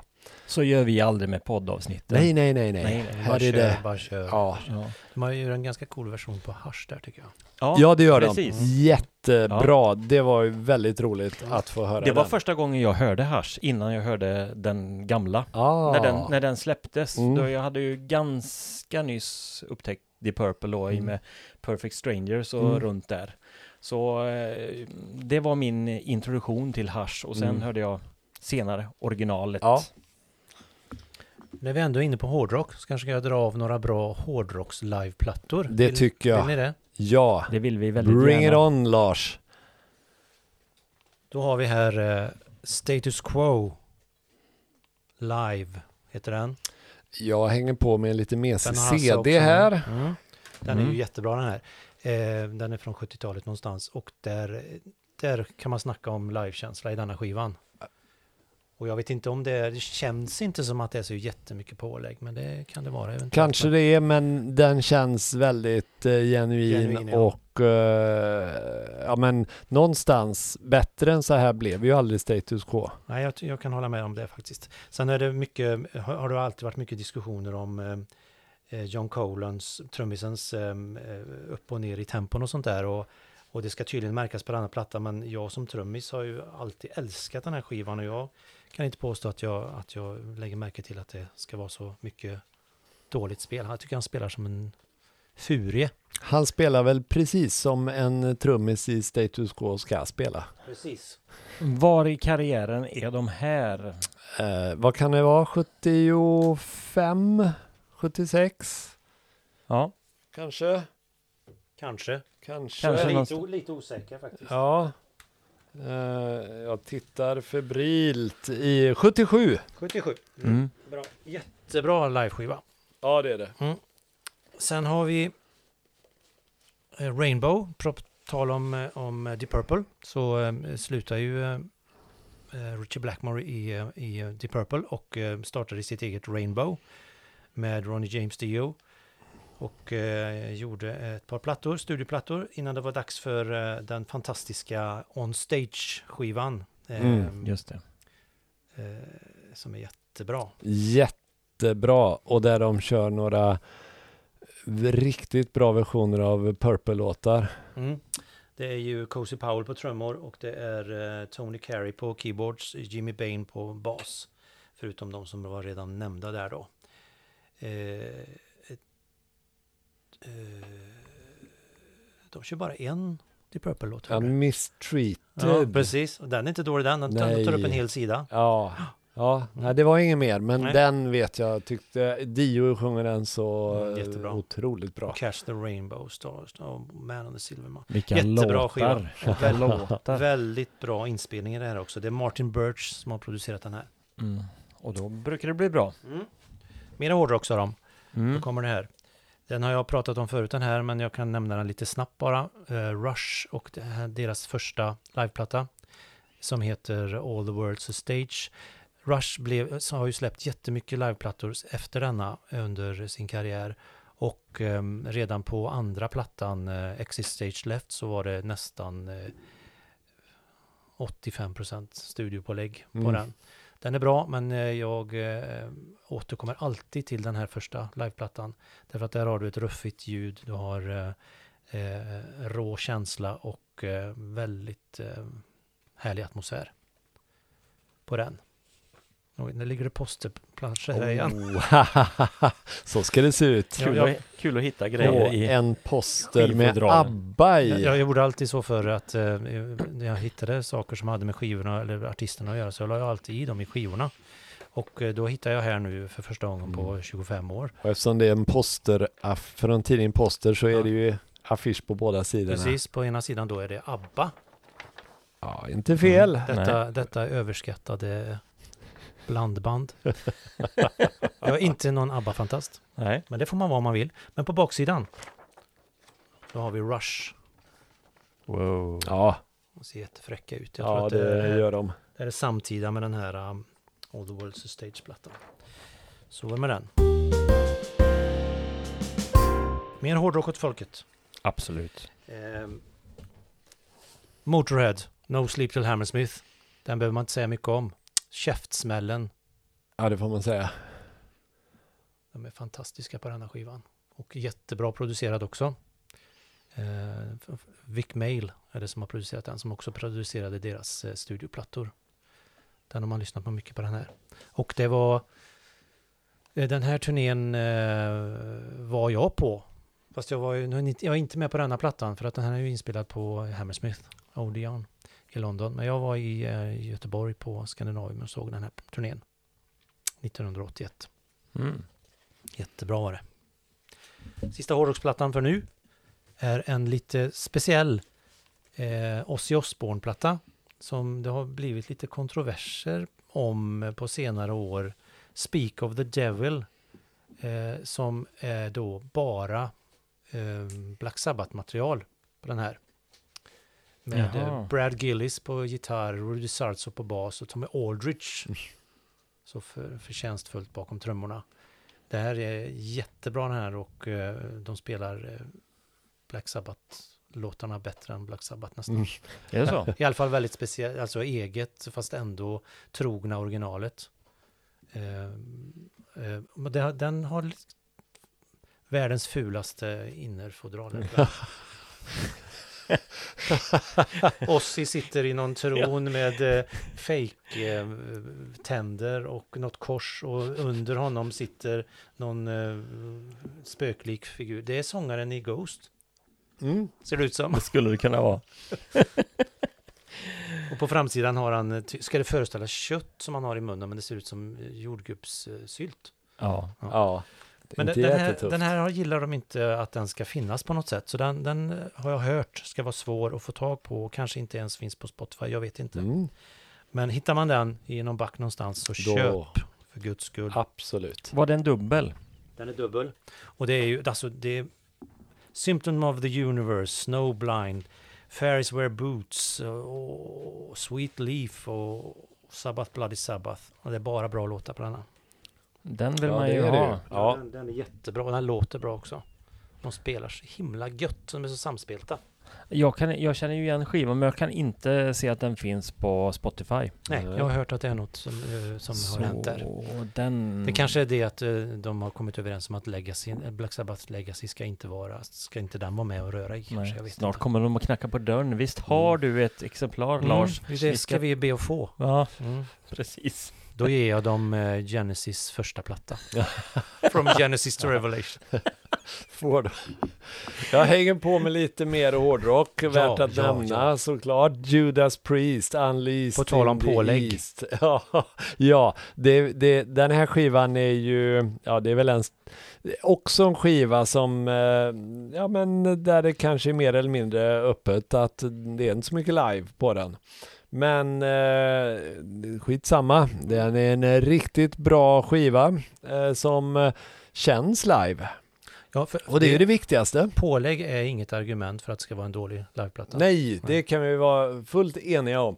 Och eh, här måste jag säga, här ser man ju också hur Rob Halford har då blommat ut i sin eh, i sin eh, Outfit. i sin homoerotiska eh, outfit, Estetik. estetik ja. och det, det måste säga det är ju väldigt kul att eh, Rob Halford som eh, då ehm, han, han ehm, ja, var ju homosexuell Mm. och eh, började hänga på, på gayklubbar och där det då var en, en eh, ganska på vissa, eh, vissa klubbar tuff eh, jargong och stil i med läderkläder och lädercaps, mycket kedjor, nitar och så hade ju inte hårdrockarna sett ut tidigare. Nej. Utan eh, tittar man på Deep Purple så ja, Ja, jeans och jeans och ganska, ja, lite precis. mer hippiebetonat. Mm. Men eh, Rob Halford han plockade den här eh,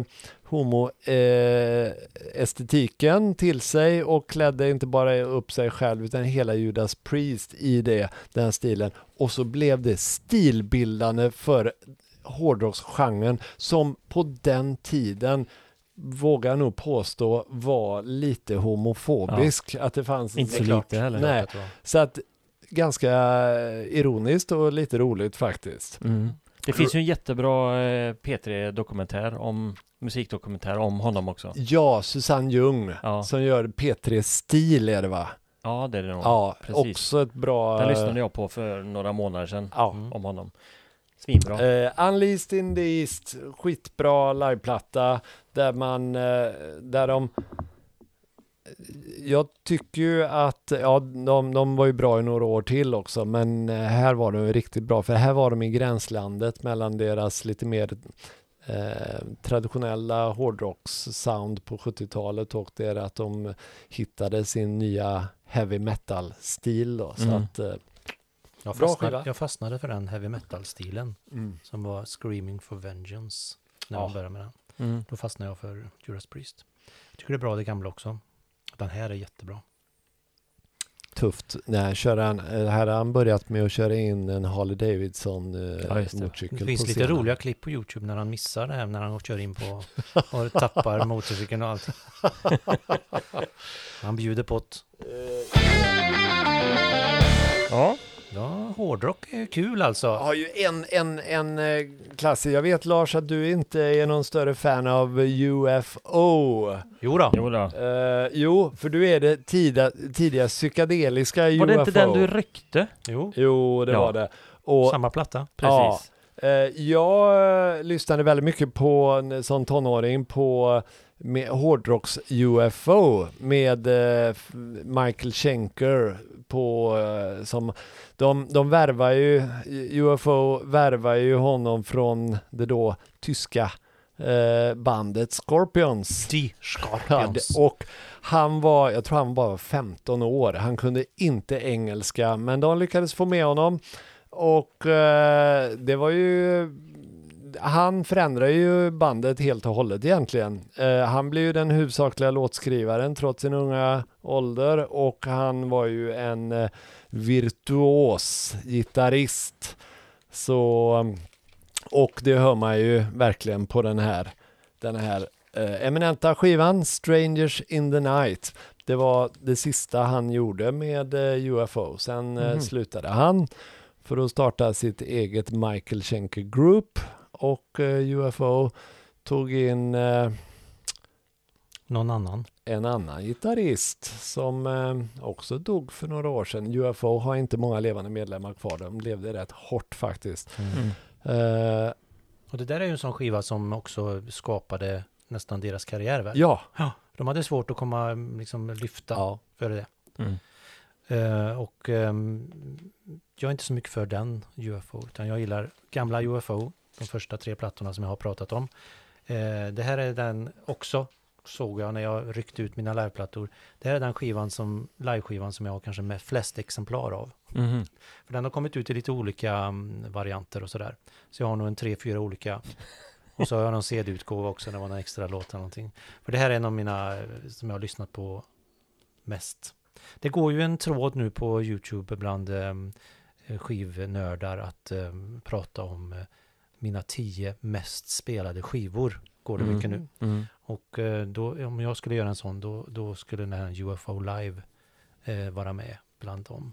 För att den har jag spelat jättemycket den här skivan. Det kanske du får tillfälle Ja. att göra framöver. Det kan vi absolut göra. Roligt. Ja, Har du någon hårdrock, Torbjörn? eh, ska vi se här. Ja, man kanske kan säga att det här. Jag måste bara säga att gi- gitarristen som ersatte Michael Schenker heter Paul Chapman. Eller hette, Just det, han do, dog för några år sedan. Okej. Vad duktig, han var sån multi-instrumentalist, var man inte det? Och Ja. bra och allting. Han var jättebra. Här har vi en hårdrocksplatta. Då är det Whitesnake ihopskrivet Mm.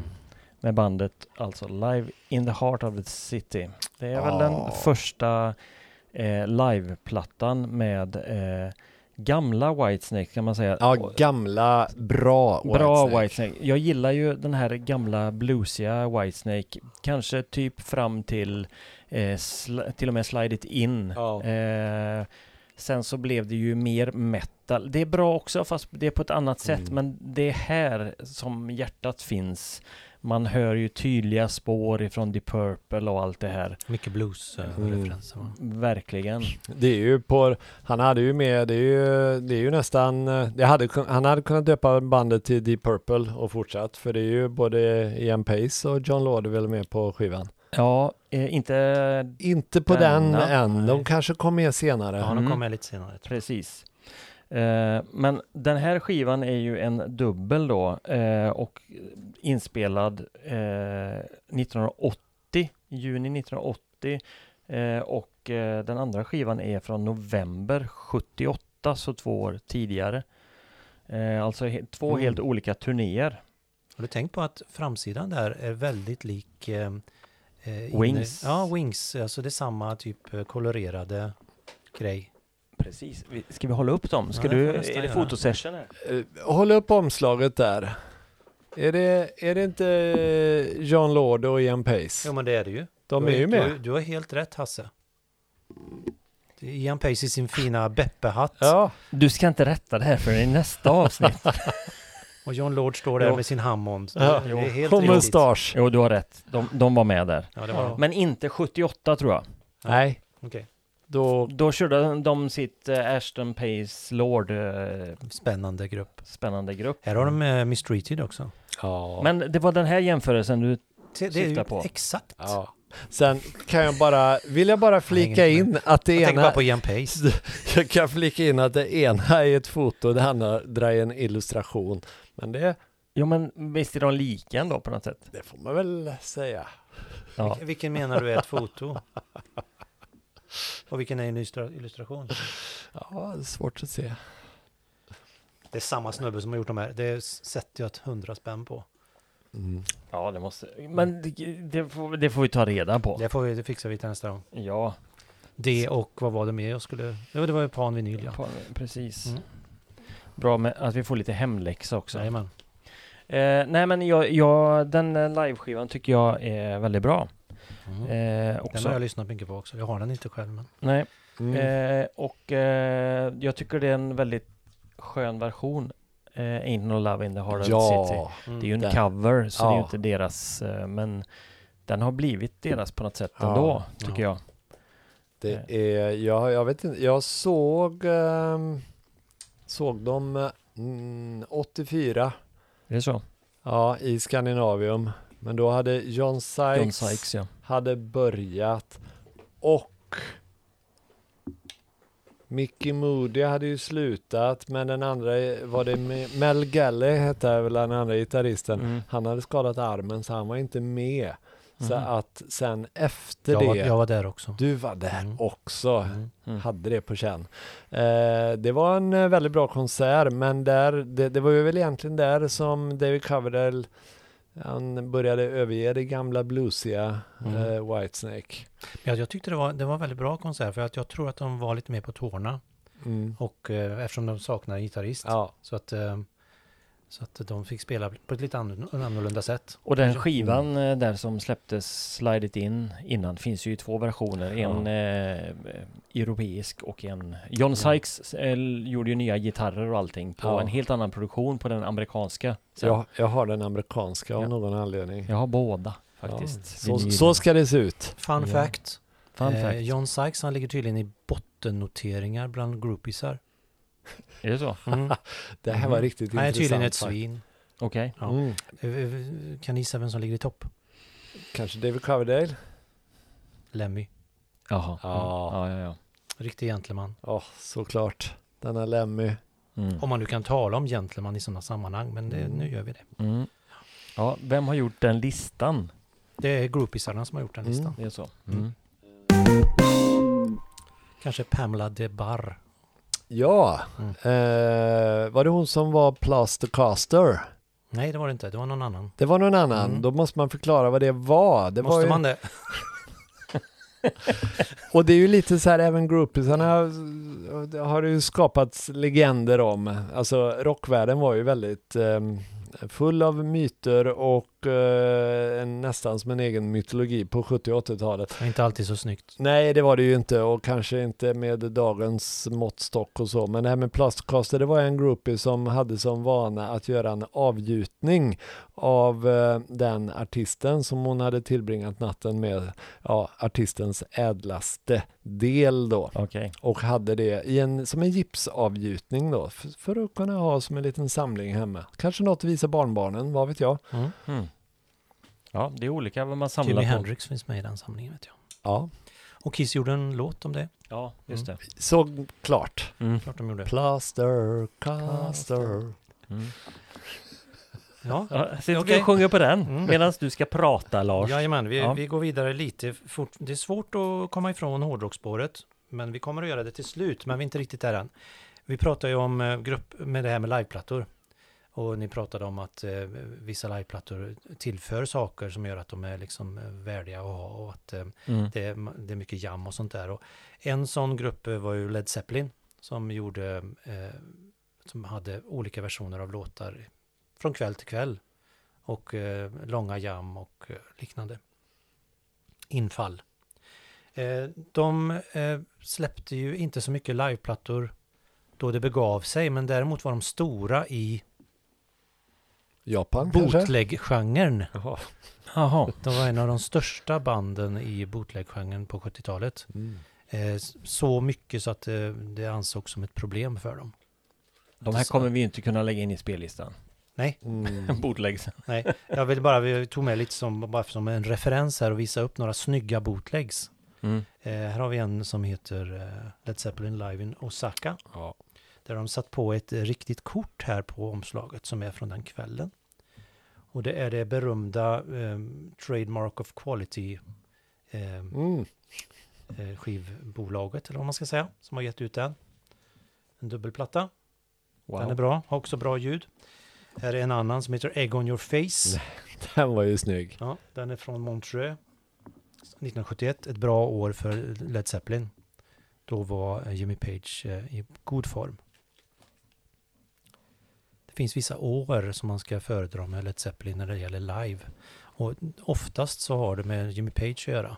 Okej. Vilken form han var i och så. Jag har det lite med hans form på drogfronten. Ja, exakt. Han Ja. var ju heroinist i, i, i omgångar. Mm. Och det Mm. påverkade hans spel. Här finns en eh, sista här som jag visar upp som heter Persistence som eh, är en liten spoof på, eh, på um, omslaget till eh, plattan eh, Presence. Persistence. Den är, är eh, inspelad 73. Ett, 71 och 73, det är två Mm. bra år för Led Zeppelin och Mm. Jimmy Page. Mm. Eh, sen släppte de en... Snygga bootlegs. Jättesnygga är de, ja. Ja. Det finns olika varianter på dem, men jag tog med de snygga Ja. och lämnade de fula hemma. Mm. Ehm, de släppte ju en officiell liveplatta eh, under sin karriär som heter The Song Remains the Same. Som även blev en film. Mm. Just det. Världens dyraste home movie som någon sa. Mm. Eh, som, som är, det, den, den eh, har, inte så hög ehm, rang på bland Led Zeppelin-konnässörerna. Det är inte, inte någon jättebra inspelning. ljudet är bra men sj- själva the performance är inte så bra. S- Sägs det. Jag har lyssnat mycket på den och gillar den men om man vill ha en officiell eh, Led Zeppelin-skiva live och, och höra hur de låter när de är som allra bäst. Då ska man köpa den här trippel-CDn som kom för några år sedan. som heter How the West Was Won. Mhm. Eh, det är en, en 3-CD här och eh, också från 73. Den här är helt otrolig. Här spelar de bäst. Mm. Kommer du ihåg när den kom? Det var i slutet på 90-talet någonting va? De släppte den här. Ja, det här är... Eller är den? Mm, mm, mm. Nej, det är senare. Ja, det, det här är ju samband med alldeles Ja. strax efter de släppte den här box eller um, Just det. DVDn. Så är det 2003. 2003. 2003, Mm. ja, ja, då var jag inte så långt bort ändå. Men, men det finns jätte, om man vill dy, dyka i eh, hur Led Zeppelin lät live, då kan man, Mm. då kan man ehm, leta efter lite bootlegs. Mm. det ligger ju, allting ligger ju online nu så man behöver ju inte, Och det är bra, man behöver inte förköpa sig. bra ljud på den också. På den, How the West Was Won, ja. Ja. den är, det, jag tror att det är ehm, eventuellt Eddie Kramer som har varit med och rört här. Annars var ju Jimmy Page han som producerade mesta. Mm. Led Zeppelin, mitt sista hårdrocksband eh, innan jag lämnar över. Och det är eh, ett av mina favoritband också som är lite, mm, ja, inte så representerade kanske, lite bortglömda. Ett band som heter Mountain. Som eh, ett amerikanskt band som, som, ehm, som frontades av eh, en stor person, både kroppsligt och eh, röstmässigt och gitarrmässigt, som heter Leslie West. Eh, och han hade sin kompanjon Felix Papalardi på bas. Och eh, Felix Papalardi var också en väldigt duktig producent.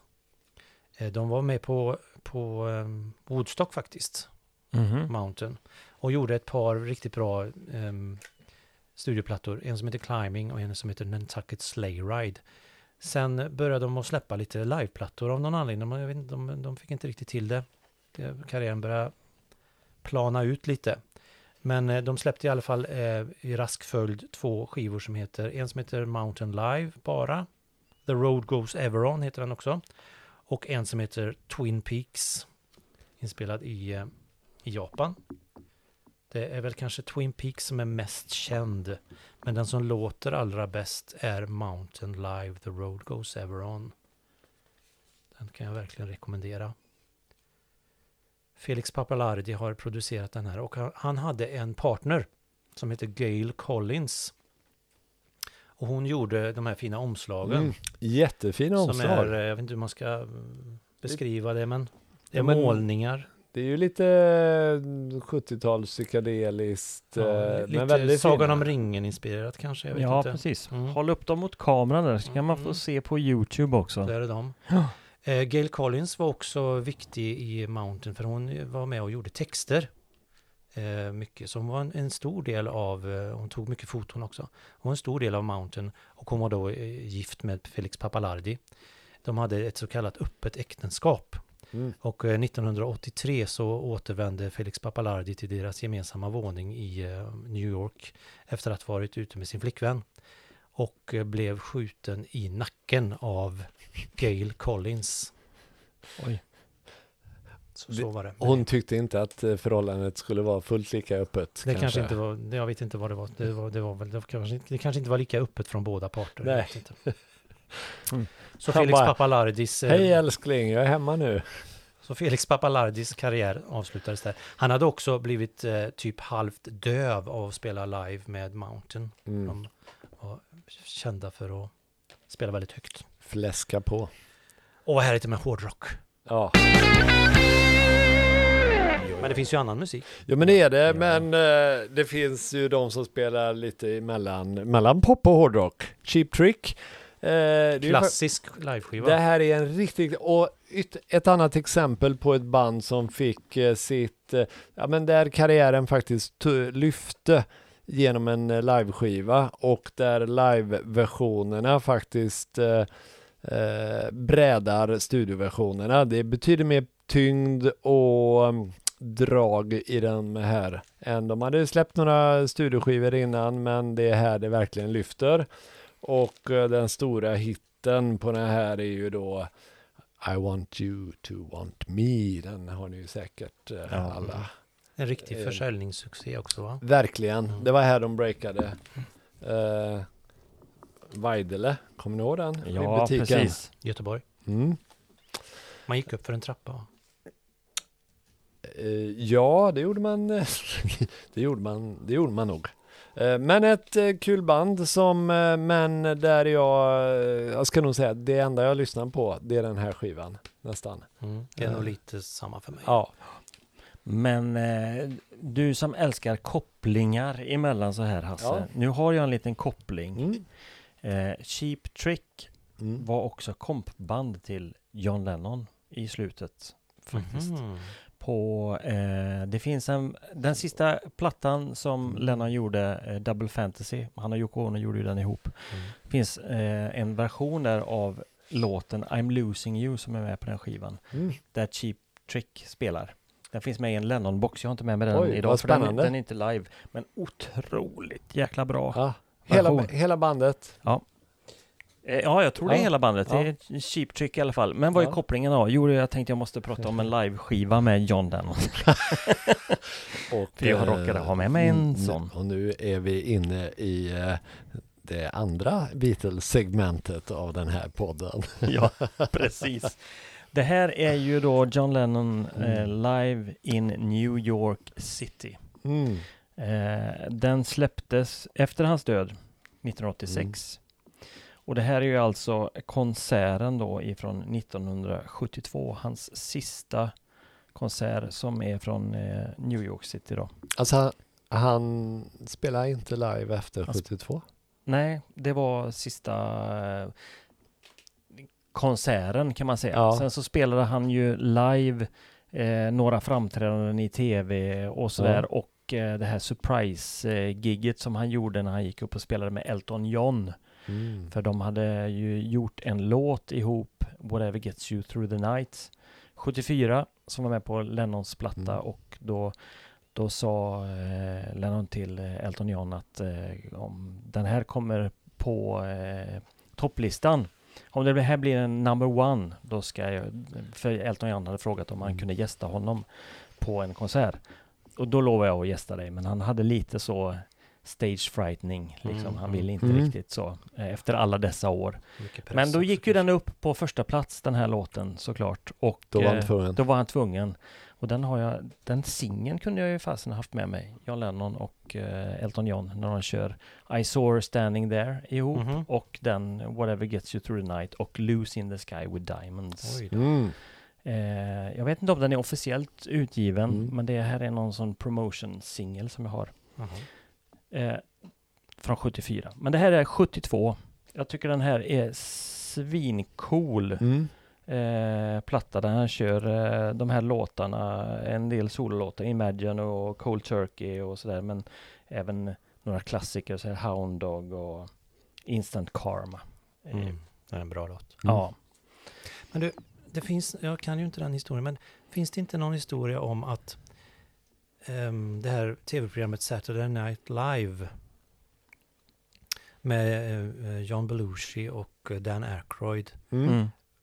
Var det inte någonting att de uppmanade Paul McCartney och John Lennon att komma till studion? För det var ju liveinspelat. Mm.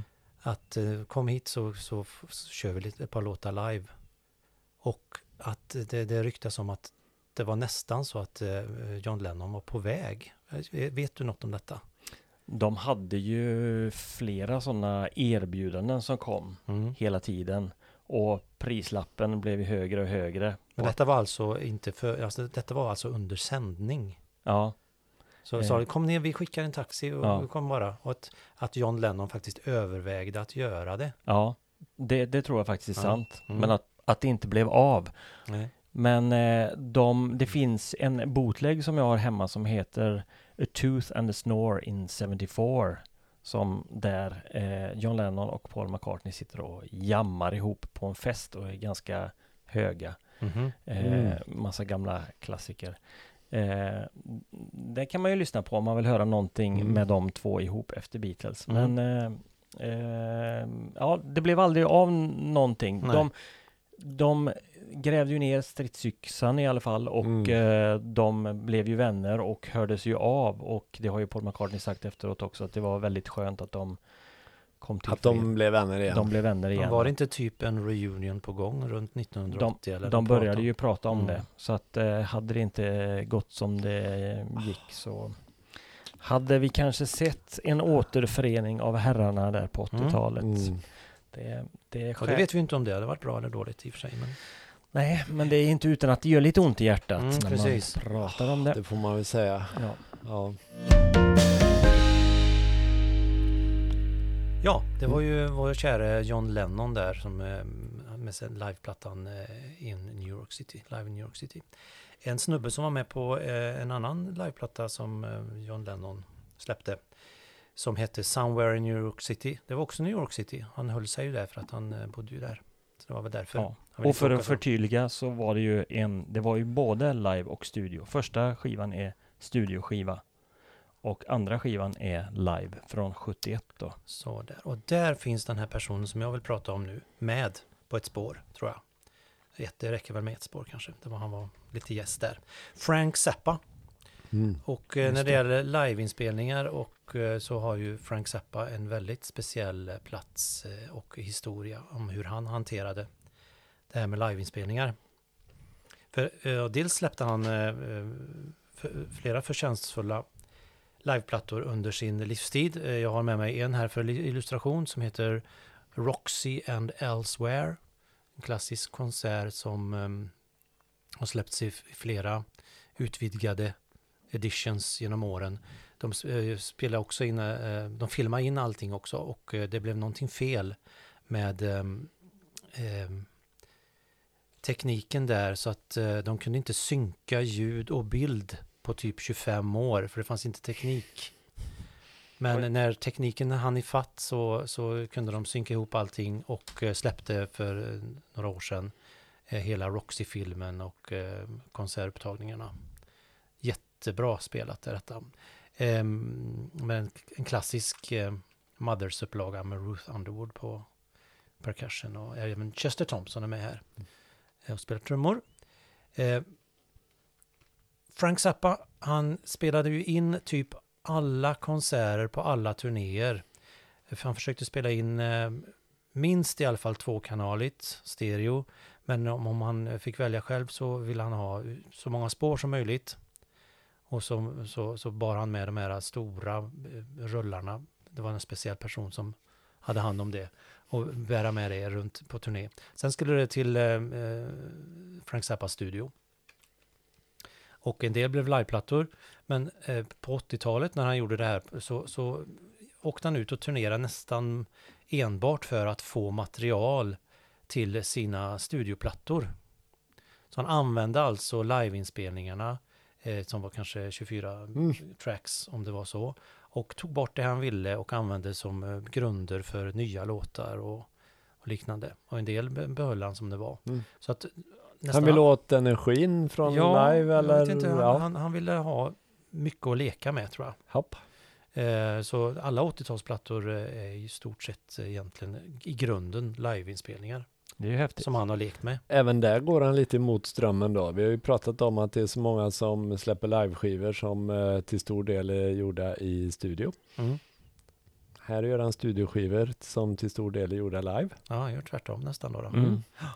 Eh, så att, ehm, mm, och eh, då efter hans död så har ju ehm, eh, The Zappa Family Trust, eller vad de heter, som hade hans fru Gail Zappa i, i förfronten i många år. Hon är ju död nu tyvärr.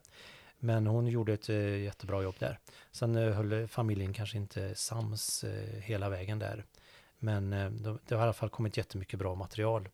Zappa-material under åren. Mycket liveinspelningar eftersom han spelade in så mycket. Och eh, hans arkiv, om man ser film, filmningar från arkivet, är ju hur stort som helst. Mm. Eh, så de har mycket att eh, rota i där framöver. Det är, man är väl uppe i snart i eh, 200 officiella utgivningar eller någonting sånt där. Herregud.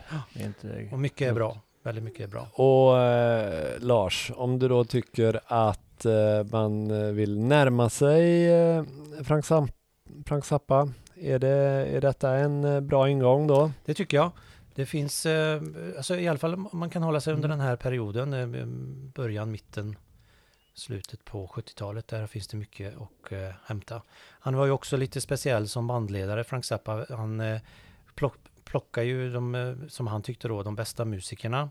Sen hade de långa eh, repetitionstillfällen eh, före turnéerna. Och eh, för att alla skulle lära sig alla de invecklade låtarna. Och även under turnéerna så var det, det var långa soundchecks varje dag följt av, när de var nöjda med ljudet, så var det följt av två, tre, fyra timmars repetitioner innan konserten. Shit. Frank Zappa var nykterist va? Han, var, han var nykterist och han Ja. var perfektionist. eh, han ville ju åt liksom de perfekta mm, versionerna av Mm. eh, sina, sina kompositioner. Som han hörde i huvudet. Men det, det där, när vi pratar live-skivor, Mm. så är det också intressant att eh, tänka vad innefattar vi i det begreppet? För det kan också vara live i studio, utan publik. Det blir ju inte så att det är Exakt. just publiken som gör att det blir live. Det Nej. finns ju flera sådana plattor som, Och framförallt nu under pandemin ja, Mm. Mm. precis. med um, livestreams och eh, Mm. liknande saker. Ja, verkligen. Ja. Finns det exempel på um, väldigt bra live-skivor. Ja. Kanske utan publik. Ja. Mm.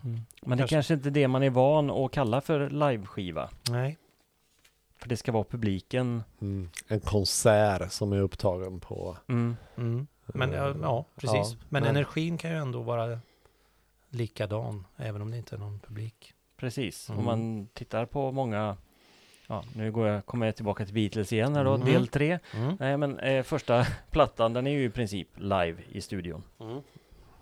Eh, så att energin, Ja, precis. energin Ja. finns ju Ja, där. Mm, absolut. Men det är ingen publik som sitter och klappar. Nej, men eh, under pandemin så kom det ju eh, en uppsjö av eh,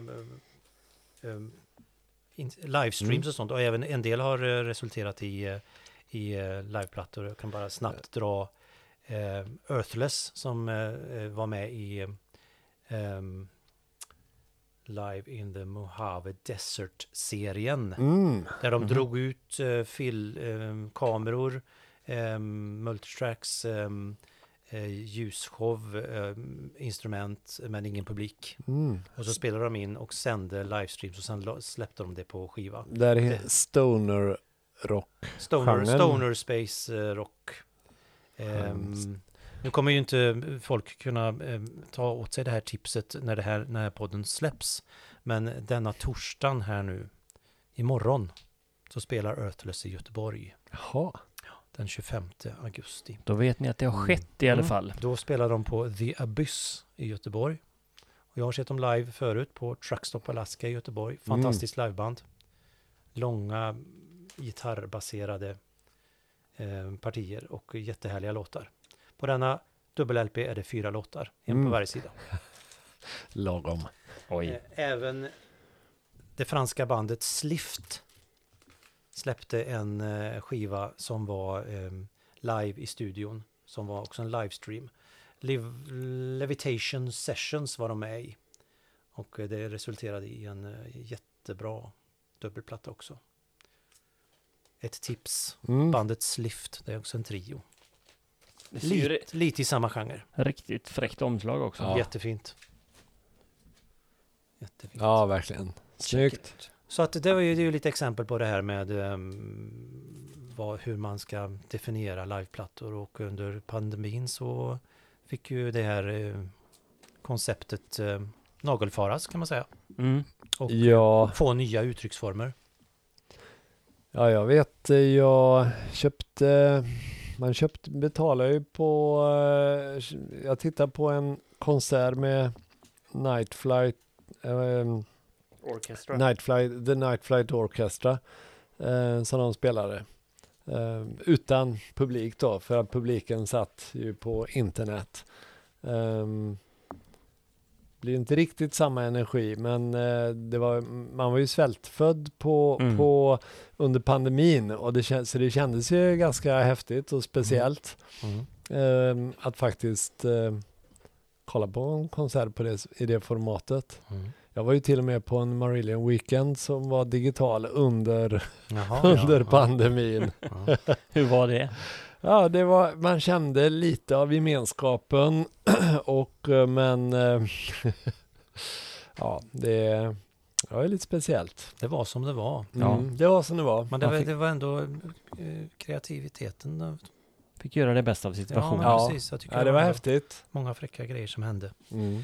Under den jobbiga perioden. Mm. När folk inte kunde spela. Vi, vi, vi, jag- tycker att vi eh, råkade hoppa över en, eh, en eh, sån milstolpe eh, bland eh, hårdrocks liveplattorna innan vi släpper eh, hårdrocken och det är ju Live and Dangerous med eh, Thin Lizzy. Ja. Det var ju också en skiva som eh, blev en stor försäljningssuccé för Thin Lizzy och det är också en skiva som har debatterats väldigt mycket om eh, hur mycket live det egentligen är. Men eh, som sagt, det är ju skitsamma för den låter live och eh, det är väldigt mycket live-känsla på den. Tony Visconti som är en eh, namnkunnig producent. Bowies producent Ja. bland annat. Det är han som har producerat tillsammans med bandet själv. Och eh, här var de ju on fire kan man säga. Verkligen klassiskt omslag också. Ja, Brian Robertson eh, var ju den ena och tillsammans med Scott Gorham då som var ju Sådär, tvillingparet på gitarr där. Ja. Eller ja, tvillingparet men eh, Ja. ja, Ja. Twin, twin Guitars. Ja. precis. Tack. Mm. yes, nu kan vi släppa hårdrocken. Och vad går vi vidare på då?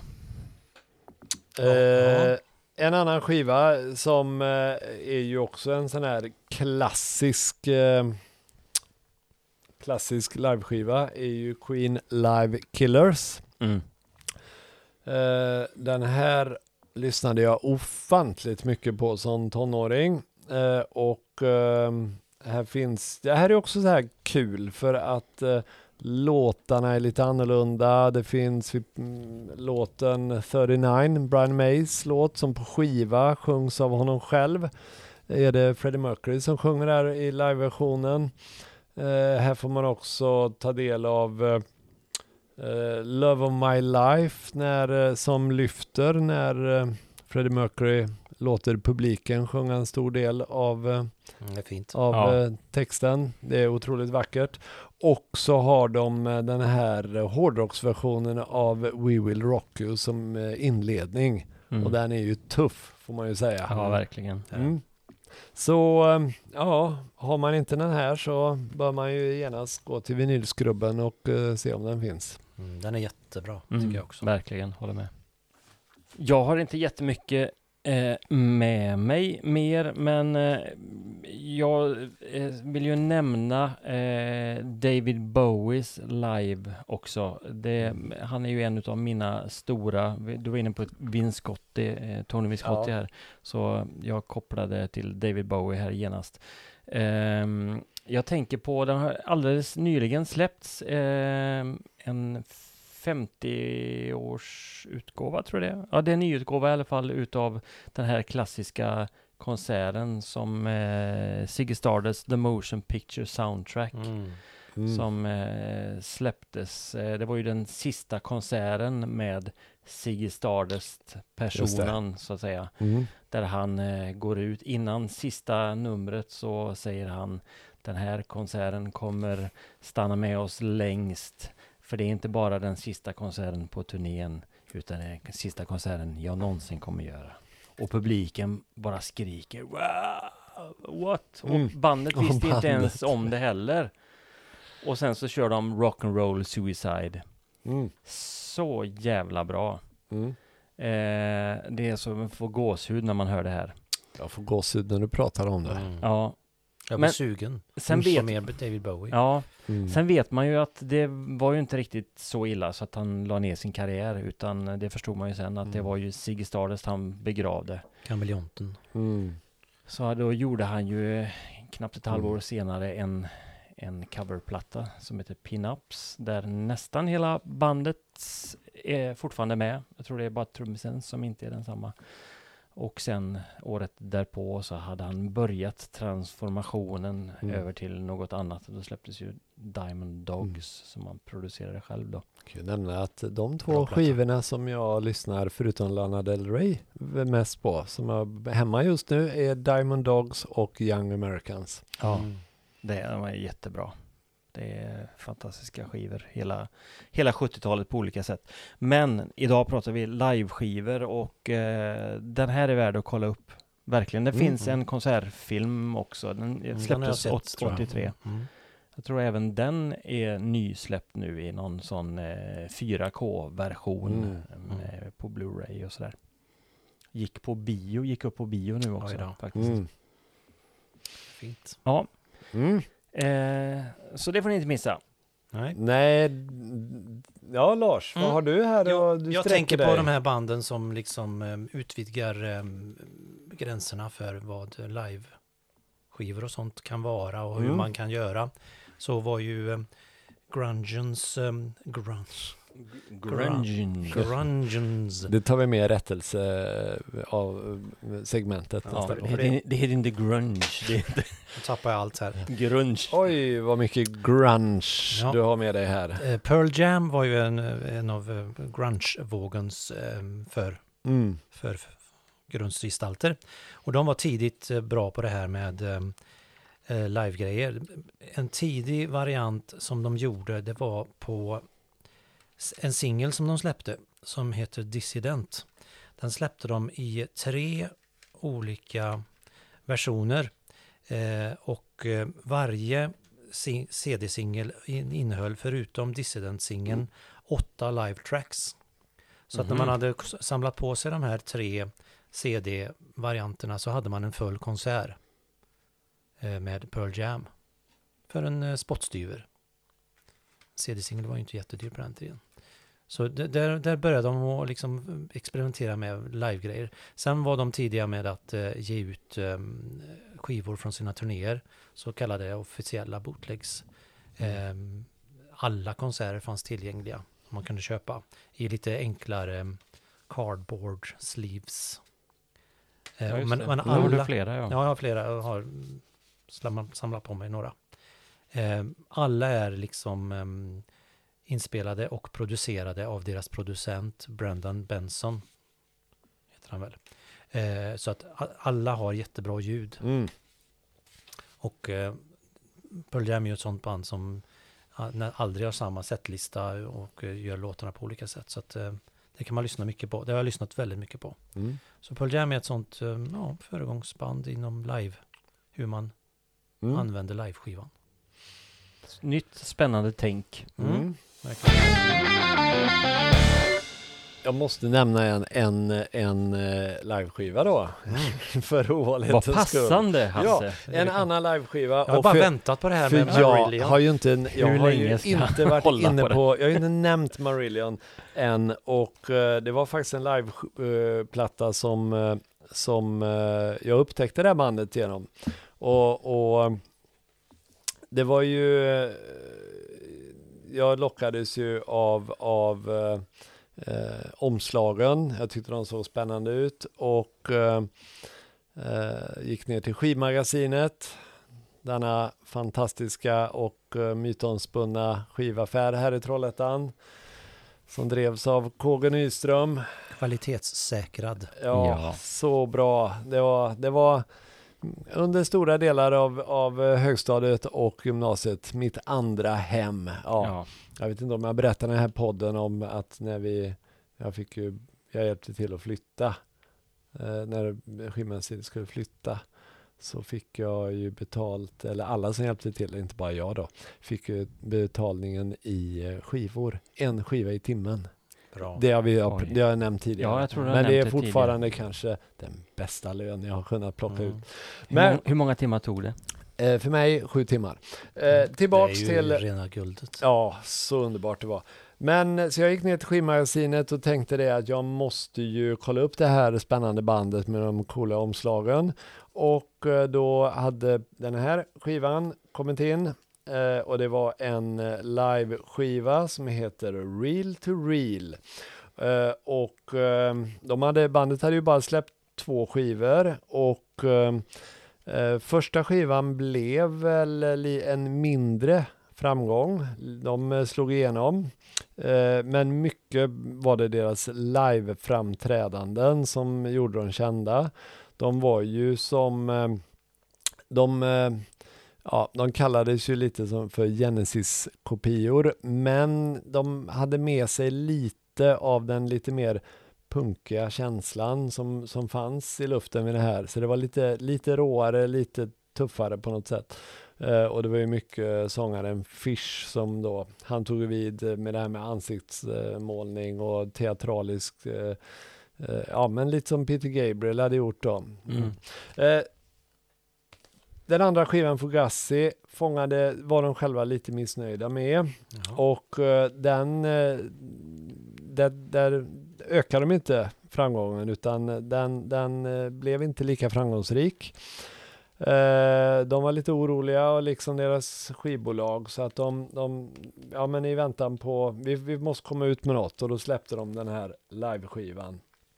Och det blev väl ingen jättesuccé, men de höll sig flytande tack vare den här. För att det är i live-versionerna där Marillion framförallt kommer till sin rätt. Så det här höll de sig flytande fram till det stora genombrottet med Misplaced Childhood. Den här... Kaylee. Ja, där fick de sin stora hit. Den här skivan köpte jag då. Eh, jag satt, lyssnade väl kanske en halv låt. Första låten Assassin, jag tyckte var bland det coolaste jag hört. Och det lät så, inte som någonting annat jag hade lyssnat på då. Som, det var ju mest hårdrock, det var ju Saxon, Judas Priest och sånt. Mm. Det här tyckte jag var mycket mer spännande och eh, intressant. Och så den här lyssnade jag sen nonstop på, eh, väl ända fram tills de, jag hade köpt de andra skivorna. Och, eh, och Marillion är ett band som faktiskt, de gör ju lite som eh, Pearl Jam. På deras hemsida kan man köpa, de har släppt jättemycket liveskivor och du kan ladda hem nästan alla konserter de gör på deras hemsida. Och de är också ett band där för de har ju gjort, de har gjort spelningar där de kör hela skivor eh, från början till slut. Och det har de gjort länge på sina weekends då, och sina, eh, när de har sina ja, Marillion, små Marillion-festivaler. Då kör de ju, betar de av ett flertal skivor. Och, så de finns ju att köpa och live-versionerna slår alltid studioversionerna. Mm. De är ja men det är ett band som studio, jag gillar studioversionerna men låtarna lyfter ännu mer live. Och de, så de är, de är framförallt ett liveband och blir, så var det även förr. Jag blir lite nyfiken så här. Eh, de som bytte frontfigur och stil kan man ju säga också. Eh, sen det är ju egentligen ett annat band nu för tiden. Ja, de bytte väl, ja, om de bytte stil eller, vet, ut, eller utvecklade. utvecklades. Ja. Sen, eh, ja. Men om man, eh, de här Marillion Weekends när de kör eh, hela plattor och ja. sådär.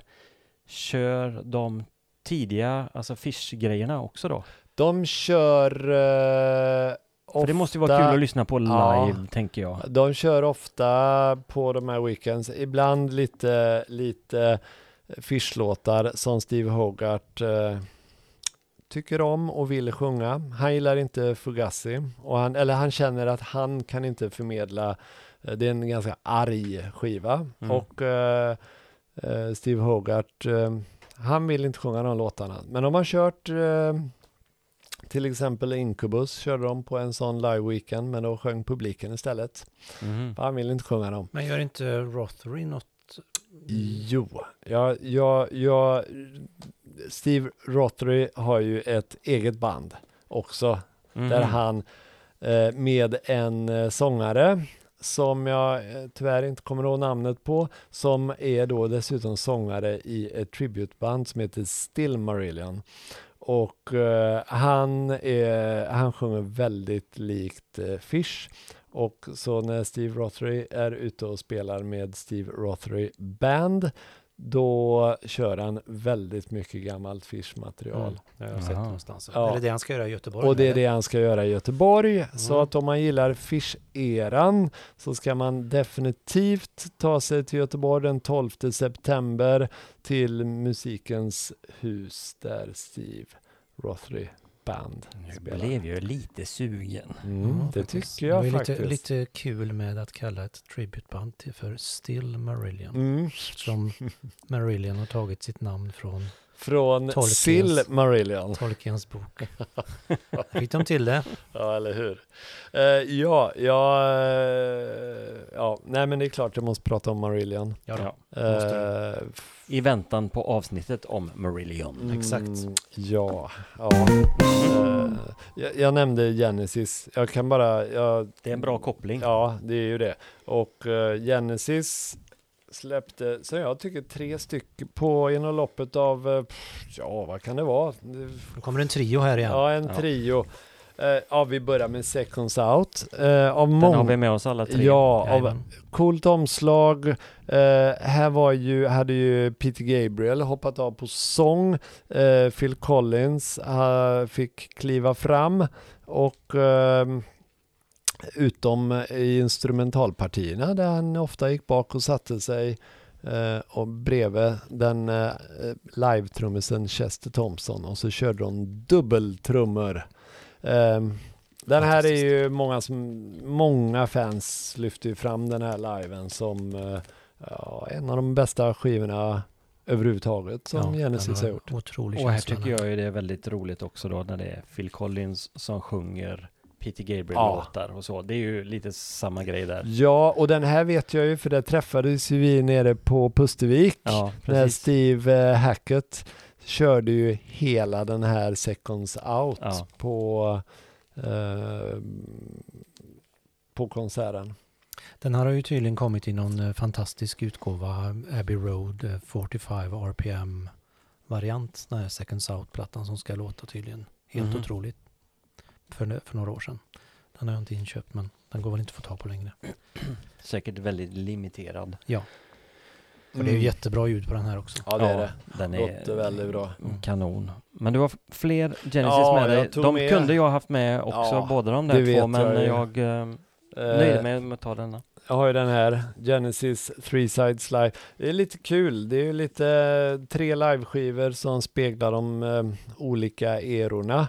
Eh, här, Genesis Live då med eh, eh, den klassiska Peter Gabriel och Steve Hackett-sättningen och så var det ju Seconds Out då som då är minus Peter Gabriel och sen den här Three Sides Live då då även Steve Hackett hade hoppat av och de fortsatte som trio. Fast det var ju också Daryl Sturmer med på gitarr. Ja, de jätte, jag tycker de är ett jättebra liveband då med Daryl Sturmer och Chester Thompson. Mm. Eh, vissa av versionerna i, med den livesättningen är mina favoriter, inte minst då eh, In the Cage Ja, som är en jättebra. Peter Gabriel-låt.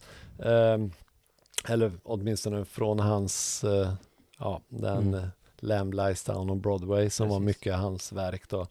Men jag tycker den är som bäst i den, på den här liveskivan och i den här live, eh, den här bandsättningen då. Vilken version utav dem är det du har? Eh, jag har den finns- här eh, där det är lite, det, är ju, det här är ju kanske den riktiga Three Sides Live då, för det här är det ju då eh, med studiolåtar då på sidan fyra här The då. Mm. Fourth Side Ja. Studio. Ja, Mm. Precis. Så eh, Men det finns ju en fin eh, engelsk utgåva Ja. där eh, även fjärde sidan är liveinspelad. Ja. Med lite material från när Bill Ti- Bruford var med. Tidigare ja. Mm. Mm, precis. 1976-turnén där. Den vill jag ha. Den vill jag också ha. mm. Skicka den till oss. Ja, Ja, ni På- vet var ni hittar oss. Jajamän. Musikpodd 1234 gmail.com mm. Glöm inte det. Glöm aldrig det. Ja, vad kan man göra mer med liveplattor eh, om man inte eh, har om man har mycket idéer. Man kan ju göra någonting med omslagen kanske och det finns ett par band Mm. som eh, förutom att de har gjort ypperligt bra liveplattor så har man också lekt med omslagen. Jag börjar med att visa upp Santanas trippel liveplatta som heter Lotus som är inspelad i eh, Japan. Den är eh, jättehärlig eh, med långa böljande versioner av låtarna och bandet är i toppform när det gäller att jamma.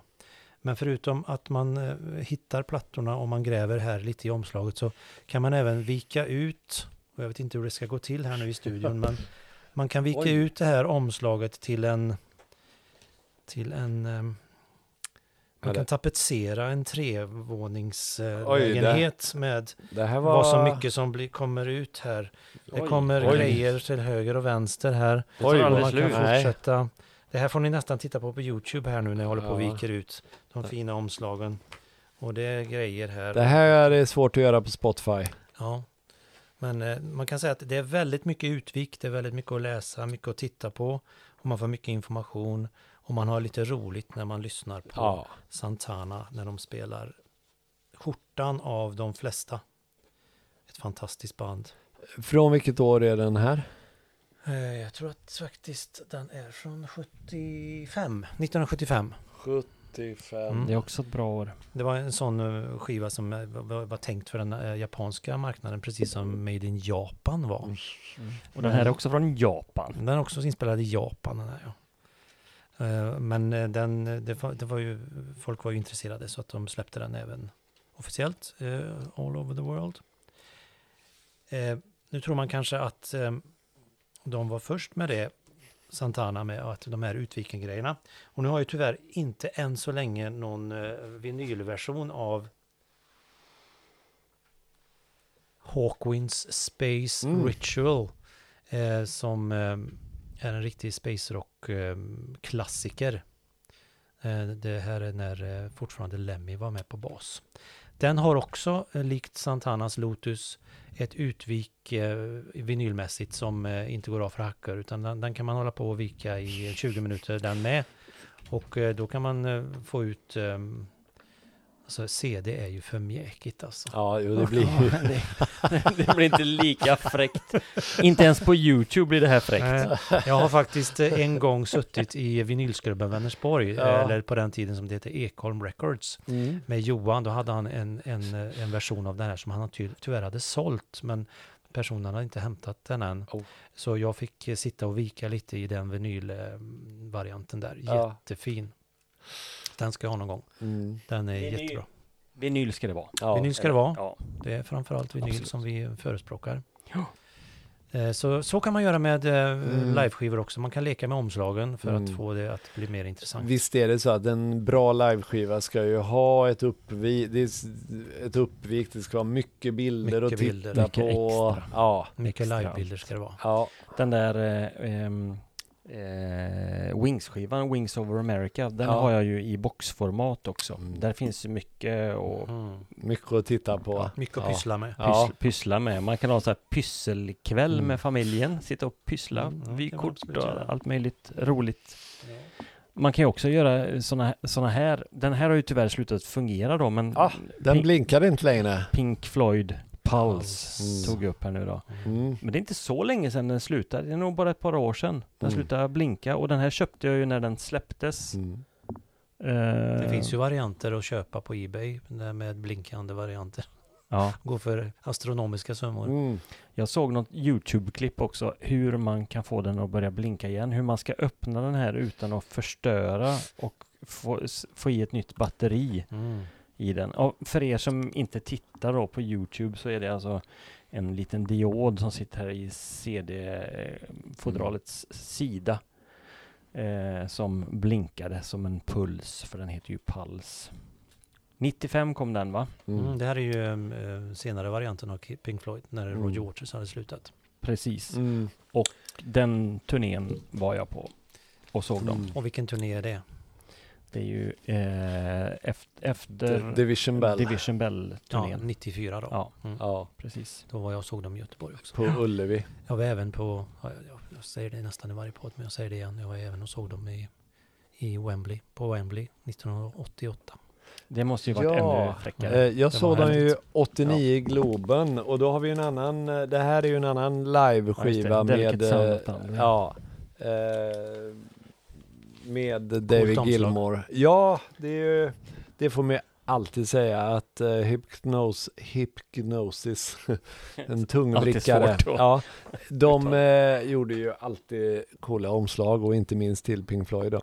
Eh, så det är ju, ja, och Det är en här, person som står med en, en glödlampskavaj på sig ja, på framsidan.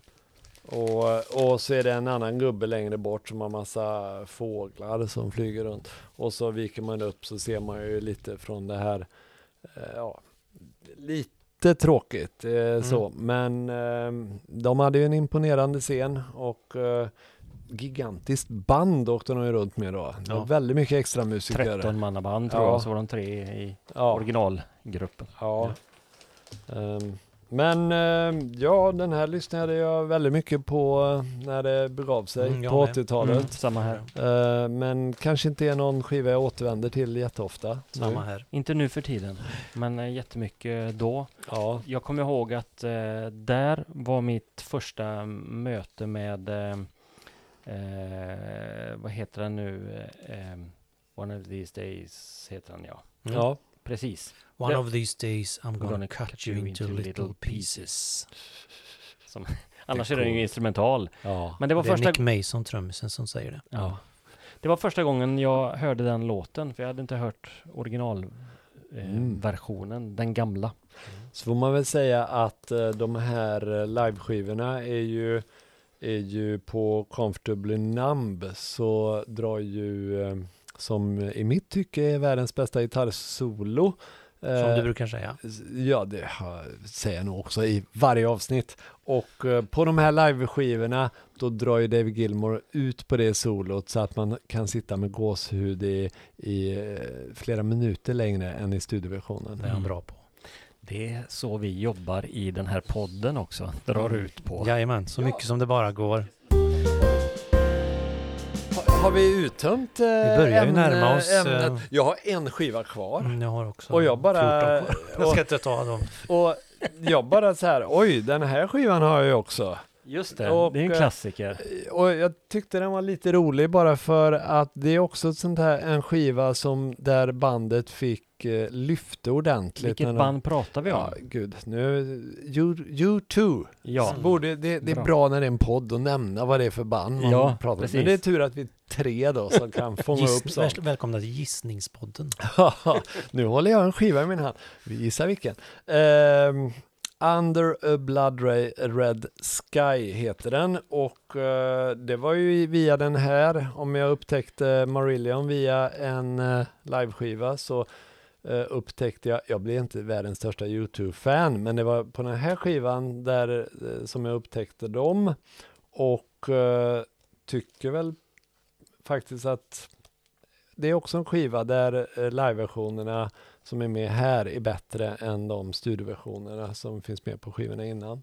Och eh, framförallt då kanske då New Year's Day som Mm. jag tycker är Mm. min favoritlåt med eh, U2. mm. Eh, ja den är ju ja. väldigt bra. Nu vet inte jag om vi har några Nu har- sista, jo, vi, Jo, nu går ja. vi in på tunggunget Ja, här. det är Lars. klart, vi måste avsluta plockar. med, det, det måste ju vara något King Crimson Ja. har där. Det, det tycker jag vi ska göra. Och det även de, även King Crimson, har eh, haft eh, idéer och eh, genomfört dem eh, när det gäller det här med live-plattor. Robert Fripp var också tidig med att vilja spela in alla konserter som eh, de eh, åtog sig. Det var väl mycket för att, eh, kanske inte i första hand för att ge ut, men han ville gärna dokumentera och lyssna och förbättra gruppen och så. Utvärdera och liknande. De släppte ju några liveplattor ehm, under sin livstid. Det finns en som heter ehm, USA som är bra. Som är, strax efter plattan Red. Det är det sista de gjorde. Sen finns det en tidig platta som um, som jag nu kom, just som heter Earthbound, som är väldigt Mm. underlig och inte någon favorit bland fansen. Ganska dåligt ljud. Ja, den är inspelad på någon kassett. ja just det. Och varför de gav ut den vet jag inte riktigt, men det var Robert Fripp som tog ett beslut. Eh, men sen har de ehm, under eh, åren, sedan 90-talet och framåt, eh, gett ut en stridström av liveplattor och de var tidiga med att eh, starta någonting som de kallar för King Crimson Collectors Club, där man fick eh, prenumerera eh, på eh, kommande liveplattor. Så fick man dem när de var färdiga. Eh, så då, då kan man säga att det var crowdfunding på ett Mm. sätt. Mm. Och där finns mycket jättebra material.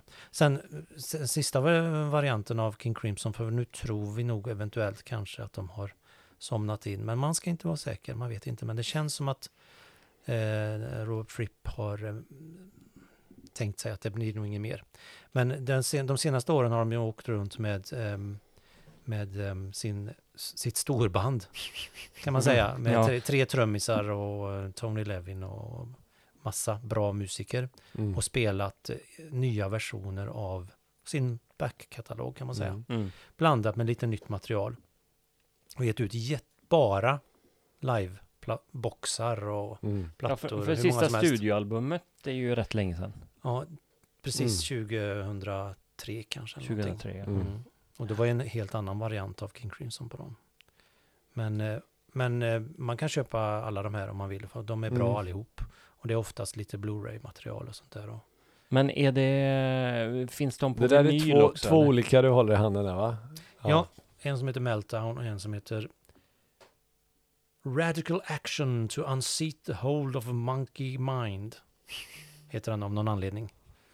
Jag får kolla på de Ja, där. det får jag gärna göra. Men, men är, finns de på vinyl också eller? Är det Eh, bara... Nej, det, inte mig vetligen finns de inte på, på vinyl. Nej. De är ju häftiga alltså. Mm. Men det har varit väldigt mycket, de är ju väldigt bra live och eh, eh, det händer saker eh, på varje konsert som är unikt för just den konserten. Så att man kan eh, nästan lyssna ihjäl sig på King Crimson live och ändå inte tröttna. Mm. Det är nog eh, Ja. ett av de banden som jag har lyssnat mest på i år. Ja. De har Mm. toppat mitt år. Mm. Det ska bli spännande att se i slutet av året när man får sån här Mm. Eh, jag ly- lyssnar ju mycket digitalt när jag är på väg. Ja. Sen så vill jag ju sitta hemma och lyssna på vinyl. Men det digitala får man ju algoritmer som Ja. säger hur mycket och statistik. Men vad spännande det ska bli i slutet av året att höra vilken eh, Jag kan nästan Version gissa att det kommer att vara King Crimson tätt följt av The Shags. Men det är bara en gissning från min sida. Jag hörde The Shags för första gången efter förra avsnittet när du pratade om dem. Och eh, ja, har ni inte lyssnat på The Shags så gå tillbaka till det avsnittet. Ja, det ska inte missas faktiskt. det är en upplevelse. Åh, vad härligt detta var. Ja, hoppas vi Mm. har kunnat eh, kanske tipsa, inspirera och eh, ibland roa till och med. Och eh, Vi har i alla fall haft roligt. ja, Görskoj. och eh, kan man... Eh, jag inledde det här med att säga att jag eh, väl inte gillar liveskivor så mycket, men... Eh, Ja, det sa ni båda två. Ja, men ändå hade jag, jag själv. inga problem med att lyfta fram eh, väldigt många skivor där eh, jag sen också dessutom sa att eh, liveversionerna är bättre än studioversionerna så att jag får nog revidera lite det jag, jag, jag sa där. Jag gillar visst live-skivor. Härligt. Ja, och många gånger när man sitter och pratar om något så här, så ni har ju övertygat mig också och gjort mig väldigt nyfiken på flera liveskivor som jag måste kolla upp och eh, King Crimson Mm. som jag har lyssnat mycket på nu det sista. Där har jag lyssnat mycket på de här live-grejerna. Där har det Mm. varit tvärtom. Där upptäcker man, och det är Mm. unika låtar också som inte finns på andra skivor och sådär. precis, precis. Så eh, jag har också Mm. omreviderat lite grann här och kanske, kanske börja ett nytt live-liv efter det här. Så vem vet, vi kanske har samma eh, igelkottbo av liveskivor som Lars hemma snart. Mm. Ja. Live is life. ja, det är ju det. Ja, Eller? ja, men eh, då kanske vi kan, då kan, kunde vi avsluta med att, eh, ta bort frågetecknet i slutet och ha ett utropstecken då. Kanske har någon där hemma inspirerats också och vill lyssna på någon liveplatta. Det finns ju sådana här hybridplattor också, det kanske vi inte nämnt så mycket, men så här, det kommer live-låtar in emellan. Rattle and Hum, Rattle and Hum är ett bra exempel. Mm. Där en, en del- U2 får jag säga, glömmer jag U2. alltid nämna Ja, namnet precis. när jag pratar om dem. Det finns ju några sådana varianter Mm. också, så ja, Ja, fake man, det live. går att leka mycket med konceptet. Det har man Mm. förstått. Verkligen. Ja, nu har vi ju inte nämns, eh, nämnt överhuvudtaget det här fenomenet som kom på 90-talet med unplugged-skivor. Nej, just Eh, det. Nej. Där, eh, om man tittar på en lista över de så här 10, 20, 30 bästa liveskivorna så brukar ju alltid Nirvanas Nirvana, eh, Unplugged det var ju MTV som hade det konceptet. MTV eh, Live at MTV eller vad det nu hette. Det heter väl MTV MTV Unplugged. Unplugged? Så hette det. MTV Unplugged ja. Mm. Och, eh, och alla band skulle ju göra en sån Även skiva. Paul McCartney. Ja, och Mm. eh, men Nirvana-skivan måste jag säga, den är ju väldigt lyckad också. Den är bra. Mm. Ja, Den är väldigt jättebra. bra. Det, Mm. finns, det finns många favoriter. Pearl Jams, där är fantastisk också. Mm. Så mycket bra. Mycket bra. Ja, Ja, det Och finns de var ju försäljningssuccéer, många av dem Ja. också. Och satte igång eh, eller återupplivade karriärer och så. Jo men så var det ju. Jag vet som Rolling Stones eh, som väl de gjorde en som, är, som jag köpte. Den Mm. tyckte jag var, ja det kändes lite vitalt och kul att höra låtarna i nya versioner. mm. Ehm, MTV Unplugged, ja. ja. Det har vi inte pratat så mycket om. Nej, så det finns, det, ja. Som vanligt så finns det fortfarande saker att prata om. men det är skönt att vi har saker att komma tillbaka till Mm. Ja. vid ett annat tillfälle.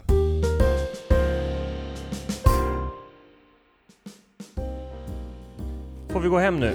Nu går vi Nej, nu har hem. vi, vi har två punkter.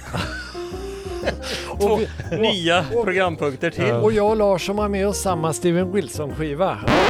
En, Ja. en, en ny live. Ja, men en snabb rekommendation får ni ändå bara Ja men säga. det kan man väl säga för Ja. Steven Wilson kommer ju med en ny skiva nu snart och han är väl den eh, moderna proggens, eh, Förgrundsgestalt. ja, han är en fyrbåk, han Mm. är en förgrundsgestalt, en eh, och eh, ja, nej han är fantastisk och eh, den här liveskivan tycker jag är jättebra. Den heter Home Invasion. Ja. ja. In concert at the Royal Albert Hall. Och eh, här finns, Finns han som konsertfilm också. Mm, den ja, är med här också. den är med här. Det var ju Ah. så fiffigt med CD. Det, det får man ge CD-skivan att i slutet så började de skicka med mycket. Ja, det var lite DVD. Men sådana här boxar är ju och roliga tycker jag. Jättekul. Ja, då är det kul med CD. Ja, verkligen. Får man en Blu-ray och så får man två CDs. Ja. Och en liten booklet. En Yes. ganska rejäl booklet är med också. Och Steven Wilson är nog, eh, om inte Mm. lika mycket som King Crimson, så i alla fall kanske på nummer två för mig. eh, Mm. Som Ja. jag lyssnar på nu. Väldigt mycket. Ja. Som, Det har man lyssnat på jättemycket. Han, Ja. han håller verkligen... ja, och, Och det ska bli jättemycket fram emot nya högt. skivan. Jättemycket. Jag tycker Som kommer i höst. Ja, Som som höst. kommer bara om kanske någon månad eller så. Och eh, vi eh, kommer ju såklart prata om den på ett eller annat sätt. Ja. Ja, absolut. Det är väl egentligen lika bra att du bara stänger av här för vi kommer ju bara fortsätta babbla. Vi stänger Så av kan vi skiten. sitta och bara prata i tomme här. Tack för idag, kära Ja. ni. Men var hittar ni oss någonstans? Facebook, Instagram, eh. Spotify. Youtube, Spotify. Det finns ju flera sätt att lyssna på och ta del av podden. Mm. Man kan lyssna på Spotify eh, med eh, snacket bara, eller inte bara Spotify utan på andra plattformar också där ni lyssnar på era poddar. Mm. Man kan lyssna eh, med musiken inhackat emellan snacket så att man förstår vilka låtar man pratar om. Det är exklusivt för Spotify ska jag säga. Mm. Och på Youtube kan det ju finnas ibland vissa exklusiva Det kan det finna. klipp också. På om man har tur. Youtube finns lite filmmaterial. Där har man ju också det stora nöjet att man kan se hur vi ser ut. Precis, om man tycker det är roligt Mm. så kan man göra det. Eh, och det fjärde eh, sättet att lyssna på är ju spellistan som är med bara låtarna som vi har pratat om på Spotify. Eh, vi, det finns en profil som heter Musikpodd 1, 2, 3, 4. Gå in och följ så ni inte missar några nya spellistor. Eh, alltså det finns en profil för spellistor och så och sen så finns det en podd så att vi finns på två ställen på Spotify kan man säga. Det måste ju vara rena guldgruvan nu där. Mm. Ja, Verkligen. Så mycket bra musik som vi har pratat om genom... genom alla Tiderna. år. Och vi är här för att stanna. Ja, Ja, nu är det härligt. Nu har bara en skiva. skiva. Nej. såklart, såklart. Nu, nu får du vara tyst. Och det, det är här vi tonar bort Hasse i bakgrunden nu medans tycker jag. bakgrundsmusiken går Ja. så vackert. Tona bort mig. Tona vem- bort mig. Och vem har gjort den här fina bakgrundsmusiken då? Den har ju min son gjort, Mm. David Jackson. Tack för det. Tack för det. Otroligt bra. Och så ska vi tacka Studiefrämjandet som gör det här möjligt eh, att spela in den här podden. De är bäst. De är bäst. Jätteroligt. Bäst. Där tycker jag att man ska... Den, kan man ta del av deras eh, verksamhet. Absolut. Kurser och grejer. Gå på någon jaktkurs eller något. Ja, varför inte? Plocka svamp Mm, plocka svamp kan man också göra. kan man göra. Men eh, vi tackar för oss idag och vi som har suttit här och babblat alldeles för länge idag är Lars Berger. Hasse Skanse. och Torbjörn Tabbe Jackson. Vi hörs snart igen. Godnatt. Hej! Tack för att du lyssnat på Musikpodden 1234. Om du gillar oss och vill höra fler avsnitt så glöm inte att prenumerera. Du hittar oss på Spotify och där du lyssnar på dina poddar. På Spotify kan du välja om du vill höra avsnitten med musik i samtalen. Du kan också lyssna på alla spellistor med musik från avsnitten under vår Spotify-profil Musikpodd 1234. Glöm inte att följa oss på Facebook, Instagram, Youtube och TikTok. Vi uppskattar om du delar våra inlägg och ställer frågor till oss. Du får gärna komma med förslag på kommande ämnen eller gäster du önskar skulle vara med i programmen. Sök på Musikpodd 1234 i sociala medier så hittar du oss. Det går lika bra att skicka ett mejl till musikpodd 1234 gmail.com. Vi hörs snart igen.